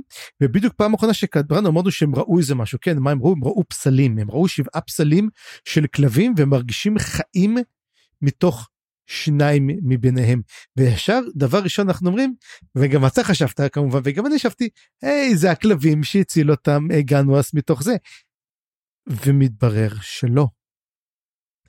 מתברר שמי שאותם כלבים זה לא כלבי הצללים אלו כלבי האפלה. מה שמרמז שיש גם כלבי אור. אולי, אנחנו לא יודעים. כמו שאמרנו, כל דבר שקורה באפלה יקרה באור, יקרה בצל. זה הכל מין שילוש, כמו שקראת לזה השילוש הקדוש. אז הוא... אגב, הם קראו לזה גם האם, האב והבן. מי קרא להם? הם קראו לזה בשיחה של, לאו, של לאו, אה, לאוריק והבוריק. כי האם זאת אם האפלה, האב זה אב האור, והבן זה בעצם צל. השילוב שלהם. הצל. אוקיי. תשמע, יהיה מעניין לראות את זה כי אנחנו חיים על מיתולוגיה ואנחנו רוצים את ה- we want the truth, we want the facts, כדי להבין איך כל זה התרחש. והם מתחילים לדבר בעצם על הכלבים האלו ומה הם. ואז בעצם אנחנו מגלים שהכלבים, אותם כלבים, כלבי האופל, למעשה היו דיברס. אם אתה זוכר מהספר השני שאנחנו דיברנו על דיברס, ואז אמרו כן, הם, מי היה בעצם? זה היה בעצם הקיסר של האימפריה הראשונה והוא ואז זה ככה צוחק עליו כאילו זה אומר לו אני לא מבין האימפריה הראשונה של הבני אדם או האימפריה הראשונה שלכם? כאילו תזכיר לי. זה אומר לו לא של בני האדם ואיך קראו לו היה לו שם ארוך קראו לו דסמבריס דסמברקיס שם ארוך כזה מה שהזכיר לי מאוד שני דברים אחד את דסמברה, דסמברה. ודבר שני את גנבקיס. עכשיו האם גנבקיס קיבלה את השם שלה בגלל אותו דסמברקיס והאם דסמברה הוא למעשה אותו דסמברקיס העוזר של הוד. Um, מעניין אבל השאלה איך פתאום הוא הפך להיות um, הכלבים האלו.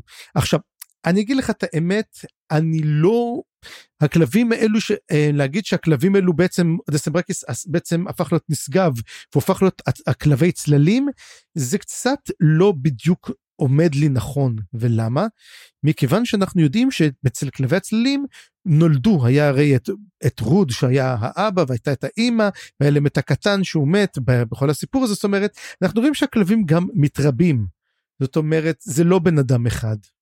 לפעמים מגיעים גם שניים. אה לא אני חושב אולי, כמו שאתה אומר, אלה כלבי האפלה, ומתוך ההתרבויות ביניהם נוצרו כלבי הצללים אולי. התרבויות עם מי? עם עצמם. אבל למה הם הפכו לצללים והם לא, ואלו אפלה? לא יודע. בדיוק ולכן אם אנחנו לא יודעים התשובה היא לא סתם אני רק אומר שאם אין לנו אתה רואה זה, זה כל הקטע אנחנו יכולים להתחיל לשאול את עצמנו כל כך הרבה שאלות גם כן וכמו שאמרתי שים לב שבעצם במישור הצללים כל מה שקורה הוא מושפע ממה שהיה באפלה דרך הפריזמה של האור וצריך לזכור את זה כנראה אותם כלבי אפלה כנראה אולי באמת דסמברקיס היה אותם כלבים של אפלה אבל הוא לא, הוא לא איתנו יותר היום אבל הצל שלו נשאר בעולם הצללים הם לא דסמברקיס דסמברקיס הוא אולי יכול להיות שהתעלה לדסמבר הוא קרא לו משהו אחר אבל הוא לא, כבר לא הם, כלבי הצלים הם משהו אחר לגמרי. ו... ויש עליהם איזושהי מלחמה בעצם. אל מי? על כלבי. כלבי הצללים. בוא תספר עליה. אז אני אספר, נראה לי שכל הסיפור, הסיפור, סיפור פה על, ה, על הפסלים האלה וגם שניים הם מתעוררים והם נלחמים בהם mm-hmm. ויש כל, כל הקטע הזה. הם, יש בעצם מובן שהמלחמה על כס הצללים היא גם מלחמה על הכלבים, השליטה בכלבים. Mm-hmm. כרגע הרי קלנבד שולט בכלבי הצללים, אבל האם השליטה הזאת היא בלעדית? האם יכול להיות, הרי כל הזמן מספרים לנו כמה הכלבים האלה חזקים ועתיקים ויותר, והם כמו נשגבים בעצמם, mm-hmm. והאם יכול להיות שמי ששולט בכס הזה יוכל פתאום להשתמש בהם בעצמו, יוכל בעצם להס... לגמרי אני חושב שזה די ברור גם הנושא כן. הזה ובעצם שאומרים 아, רגע כן. דבר אחרון אה אני רק רוצה להגיד על פסלים תגיד לי אם זה מה שאתה רוצה לדבר. דבר. אני רק אגיד על הפסלים כי הרי הזכרנו את זה כשדיברנו על קרסה והפסלים שהוא יצר. השיחה פה בין טרול וטרול סנגר ואונרק מאוד מעניינת כי הם מדברים בעצם על היכולת להכניס בתוך פסלים כוח. ומאיפה נובע הכוח הזה וזה סוג של שאלת ביצה ותרנגולת. Mm-hmm. האם היצירה של הפסלים מייצרת את, יוצרת את הכוח הזה או האם הם זה רק סוג של כזה סימולקרה כאילו סוג של כזה הדרך הפסלים אפשר בעצם לתעל כוח של משהו שכבר קיים וזה כמובן זרק אותי לכל מיני שאלות תיאולוגיות כן של האם האדם יוצר את האל או האל יוצר את האדם ובמלאזן כל הסדרה בינתיים יש לנו את, את, בעצם את השאלה הפילוסופית הזאת האם האלים חזקים יותר מהבני האדם או הבני אדם חזקים יותר מהאלים. וזה מאוד מעניין במיוחד במערכת יחסים בין קרסה לאלים שלו שהוא בעצם סוג של מייצר אותם ממש uh, בפסלים שלהם. זה כמובן שולח אותי גם לפסלי הג'ייד והשאלה האם הפסלים שנמצאים שם הם היצורים בעצמם, או שהם מתעלים איזשהו כוח שלא קיים שם? זאת שאלה מאוד מאוד גדולה לדעתי פה. כן, זה אחד הדברים המעניינים הוא, אה, כמו שאמרת, מי יוצר את האל. אני חושב שלבני אדם יש להם את הכוח על האלים שהם יכולים לעזור להם, לתמוך בהם, אבל הם גם יכולים לכבול אותם. וכמו שאני מאמין שהאלים שהיו של הטבלו, השבעה פנים שבסלע, נקלעו ככה בתוך אותם פנים ולא יכולו לזוז, בעצם קרסה אורלונג יכל לשחרר אותם, וזה בעצם הכוח שנותן נותנים בני האדם לאלים גם אותם פסלים של ה... שאנחנו שהם רואים אותם הם לא פסלים של של כלבי הצללים. זה פסלים של כלבי האופל.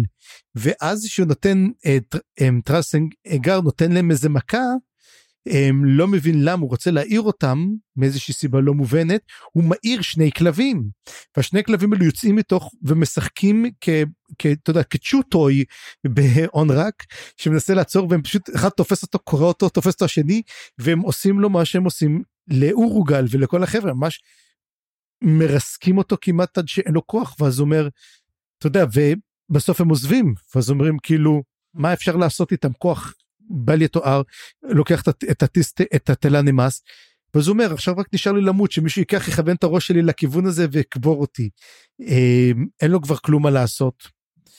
ופה זה בעצם מעניין לראות האם אנחנו נראה עכשיו את כלבי האופל האם האם דסם ברקיס ננעל ובעצם הוא היה כלוא בתוך אחד המשעול ועכשיו הוא שוחרר או לפחות שניים ממנו שוחררו זאת אומרת לא כל כוחו יצא אבל רוב כוחו.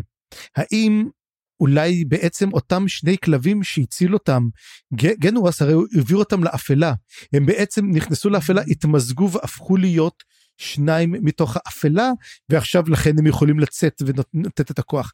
כל כך הרבה תיאוריות, אה, אני מאמין שאנחנו נקבל עליהם תשובות.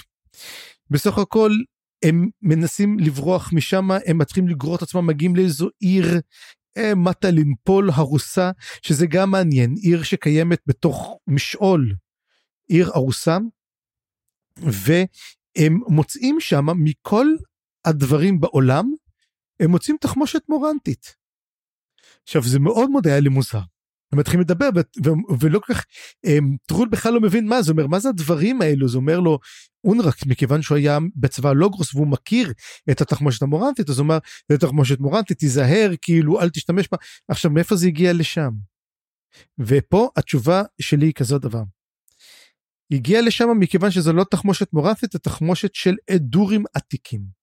הידוע שאדורים העתיקים לימדו את המורנט המון המון דברים והם גם לימדו אותם את הסוד להכין את התחמושת הזאת ולכן כל התחמושת הזאת היא לא תחמושת מורפית היא תחמושת אדורית עתיקה. ולכן בעצם מה שהוא מקבל יש לו פשוט חומר עתיק כמה זה יעבוד אני לא יודע יכול להיות שזה יש לזה עוד הרבה כמובן זה גם יכול להיות שמורנטים יש להם קשר והם עושים את זה אבל לא נראה לי כי אנחנו או שבעצם המורנטים יש להם קשר כן ישיר לקורל אמורלנד ובעצם במורנט עצמה יש להם פתח למשעול הזה שזה גם יכול להיות והם פשוט משתמשים בו כמו מחסן. שזה... אני חושב שכל השיחה פה מחזירה אותי לרעיון שטרול סנגר מרגיש שהעם שלו הולך ומידרדר mm-hmm. הולך ומאבד את זה קצת מזכיר את ה... בספר הקודם את הברגהסטים נכון שהולכים ושוכחים דברים נכון וגם הם גם הם שכחו הרבה. שאני... הטיסטי כן, הדור פה זה לא אותו טיסטי הדור של פעם הוא אומר את זה לא פעם. נכון ואני חושב שזה שם פה את הטיסטה אדור קצת כמו העם החכם או העם הטכנולוגי. זה שמייצר דברים, זה שממציא דברים. המציא דברים בעבר. ואז במה שקורה מגלים שם שער. ואז הם אומרים טוב יופי בוא נצא מהמשעול הזה נפתח את השער. הם באים לפתוח את השער ואז למעשה נפתח השער ויוצאות ממנו ארבע דמויות והארבע דמויות האלו זה טיסטליוסן מתברר. רוכבים על סוסים הם באים הם רוכבים שניים שניים אה, לדפוק את אה, את, אה, את, את, את אונרק הראשונים חותכים אותו אה, אחד נפצע נדקר בבטן ממנו השניים עוד נותנים לו מכות אה, ממש שימוש מצוין לוחמים מעולים אבל אז בסופו של דבר אחרי שנפצע זה כזה המנהיג שלהם אומר או נפצעתי, בוא, אני צריך ריפוי, כאילו, בוא, תרפו, בוא תרפא אותי ככה לאחד החברים שלו. אמ, מאוד מאוד מתנשאים, אם אתם זוכרים מדברים על אלפים נעלים, על אותם אלפים, אותו trope ידוע, הנה מצאנו את האלפים שלנו, שלו באמת הטיסטליוסן. ולראש שלהם קוראים לו סנסשל, זה מין כינוי עתיק של מושל עתיק או שר בית, מין תואר כזה מאוד מאוד בכיר כזה של הטיסטליוסן. ואז הם אומרים טוב מה הם עושים פה הם מבינים מה עושה פה טיסטי אדור מה הקשר הם לא מזהים בכלל הם מזהים את הטלנימאס אני חושב הם מזהים אותו ואז הם אומרים טוב בוא נחזור בחזרה לממלכה שלנו אבל השער כבר לא מתפקד כמו שצריך. והם מבינים שהם די נתקעו שם. ואז הם אומרים טוב יש לנו רק דבר אחד לעשות אנחנו צריכים לעשות לעשות uh, טקס. והטקס הזה צריכים את הכוח של תלן ואז הם מתחילים לדבר בעצם על שתלן הוא לכן באמת המשעול של הליוסן והם צריכים גם את הדם של הטיסטה אדור. אז הוא אומר כמה דם? מה אומר את כל הדם? אז הוא אומר לא צריכים קצת דם. הוא אומר בתקווה רק קצת דם בעצם זה הסוף. עכשיו בעצם ראיתי שאתה רצית לדבר גם על אוסריק זאת אומרת הנה היום זה יום אוסריק. לא כי בדיוק בחלק הזה הם מדברים על היעלמותו של אוסריק ושהוא בעצם ה... מי שהם הכי סוגדים לו סוג של כמו שהטיסטיאנדי הולכים אחרי אנדומנדר ריק הם הולכים אחרי אוסריק רק שאוסריק לא בנמצא. כן אבל אוסריק נעלם איזה אלף שנים אלפי שנים הוא לא נעלם אתמול היום. כן כן כן אבל מה שאומר לי שהם אבודים. ואולי זאת הסיבה שהם מתנהגים קצת בצורה מוזרה. אבל גם רציתי לשים לב לעוד שני דברים. קודם כל זה שאונרק בקרב נגד כלבי הכלבים, whatever, אה, הוא סוג של נקרע מהקשר שלו עם הטלנימאסים. Mm-hmm. וזה מאוד מעניין כי זה מייצר קשר יותר חזק בינו לבין טרול סנגר, טרל סנגר, שעד עכשיו לא היה ברור לנו למה הם כל כך קרובים או קשורים, עכשיו פתאום העלילה קשרה אותם בצורה יותר חזקה ביחד. אמ, ואנחנו גם מקבלים שהטיסטליוסן האלה שונאים את הטיסטה אנדי, זאת אומרת mm-hmm. יש להם איזה מלחמה עם הטיסטה אנדי, אבל הם כן בסדר יחסית עם הטיסטה אדור. כן, מחשיבים אותם כנחותים מהם, אבל כאילו לא, נזר... לא נזרוק אתכם הביתה. מה שמעניין עוד יותר לראות את מערכת היחסים הזאת זה א' זה כיף כי זה פעם ראשונה שאנחנו בכלל פוגשים את הטיסטליוסן אה, אפשר לדבר עליהם. דבר שני את, אתה יודע אני אומר כל העלילה הזאת כל כך מנותקת אני קשה לי מאוד לי אישית קשה מאוד להתחבר אליה מכיוון שאוקיי זה מגניב ואני מקבל המון המון מידע ואני אומר אני לא זוכר אותו אני לא מצליח להבין מה קורה פה. כאילו מה פתאום עם הכלבים מי זה הדסמברקס הזה? דסמבלקס הזה? ומי פתאום הגיעו ליוסן? ומאיפה מגיעים? ואוסרי בגלל זה אתה הגעת לדבר הזה של אוסרי כי אתה ממש חיברת את הכל יפה. אצלי כבר אחרי שהם דיברו על אוסרי אני כבר שכחתי ממנו אתה מבין. אז תשמע תיאוריה נחמדה עדיין בסימן שאלה לגביי. ויש עוד נקודה אחרונה זה בעצם ההגעה של הטיס של התל"נים מאסים. אז בוא תגיד אני ממש כנראה את הפרק הזה ממש שמתי אותו מאחוריי. הם בעצם מגיעים אה, חבורה של תל"נים מאסים נכון, ובעצם נכון. מצילים את אונרק וטרול סנגר מה... מהטיסטליוסן. ובשלב הזה מה שרק ברור הפרק נגמר די בצורה פתוחה אבל מה שבשלב הזה ברור זה שמי שמנהיג אותם זה מונוק אוכם שהתפקיד שלהם בעצם היה לרדוף אחרי השיבה. אה, השיבה בעצם פנים שבסלע אז גם זה קושר פה את כל הסיפור אז השאלה חזרה לעלילה שלנו כן כמה חבורות יש יש את החבורה הזאת שאנחנו פגשנו אותם בסילנדה יש את אונרק שגם כן צד אותם ועכשיו גם מונוקונה אוכם. אז אני חושב שהם היו אותה חבורה חשבתי על זה אבל אני לא בטוח שזו אותה חבורה. אנחנו קיבלנו את השמות שלהם בספר השני אתה זוכר? אה כן כן זאת לא הייתה אמרנו תשמעו את השמות שלהם ואני לא זוכר שהיה מונוקוכם אז כנראה הם... היו כמה יחידות היו כמה יחידות uh, ש... שרדפו בעצם. ויש סיכוי שהם רודפים ועכשיו הנה בוא נגיד מה אם הם רודפים אחריהם כי הם השתחררו מהפנים שבסלע. אבל זה די מוזר כי הם כבר הופיעו כבר במקום הזה עוד לפני זה הרי הם הופיעו בתוך ב... בקורל דה מורלן שהם רדפו אחרי אה, אחרי אחרי טובלקאי אז זה לא זה. טוב צפיר תראה נראה לי היה לנו פרק ארוך מאוד אני חושב שנעצור פה אה, כדי לא להגיע לאורחים שהיו בעונה הראשונה אה, ונגיד שיש עוד הרבה מה לדבר אבל זהו לעת עתה. בפעם הבאה נעסוק בפרקים 12 עד 14 ונתחיל את מה שהוא נושם, החלק השלישי בספר בית השלשלאות, הספר הרביעי בסדרה. אני חיים גורוב גלברט. אני צפריר גרוסמן, מזמין אתכם להיכנס לבלוג שלי על עולם רומח הדרקון. כנסו לאתר fantasybooksreviews.home.blog או חפשו מסע בקרים בגוגל. תוכלו ליצור איתנו קשר בפייסבוק או במייל, מלאזן קורא פה, שטרודל Gmail.com. עריכה וסאונד, חיים גורוב גלברט.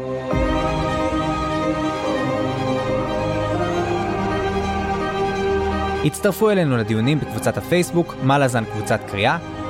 תודה שהאזנתם, וניפגש בפרק הבא.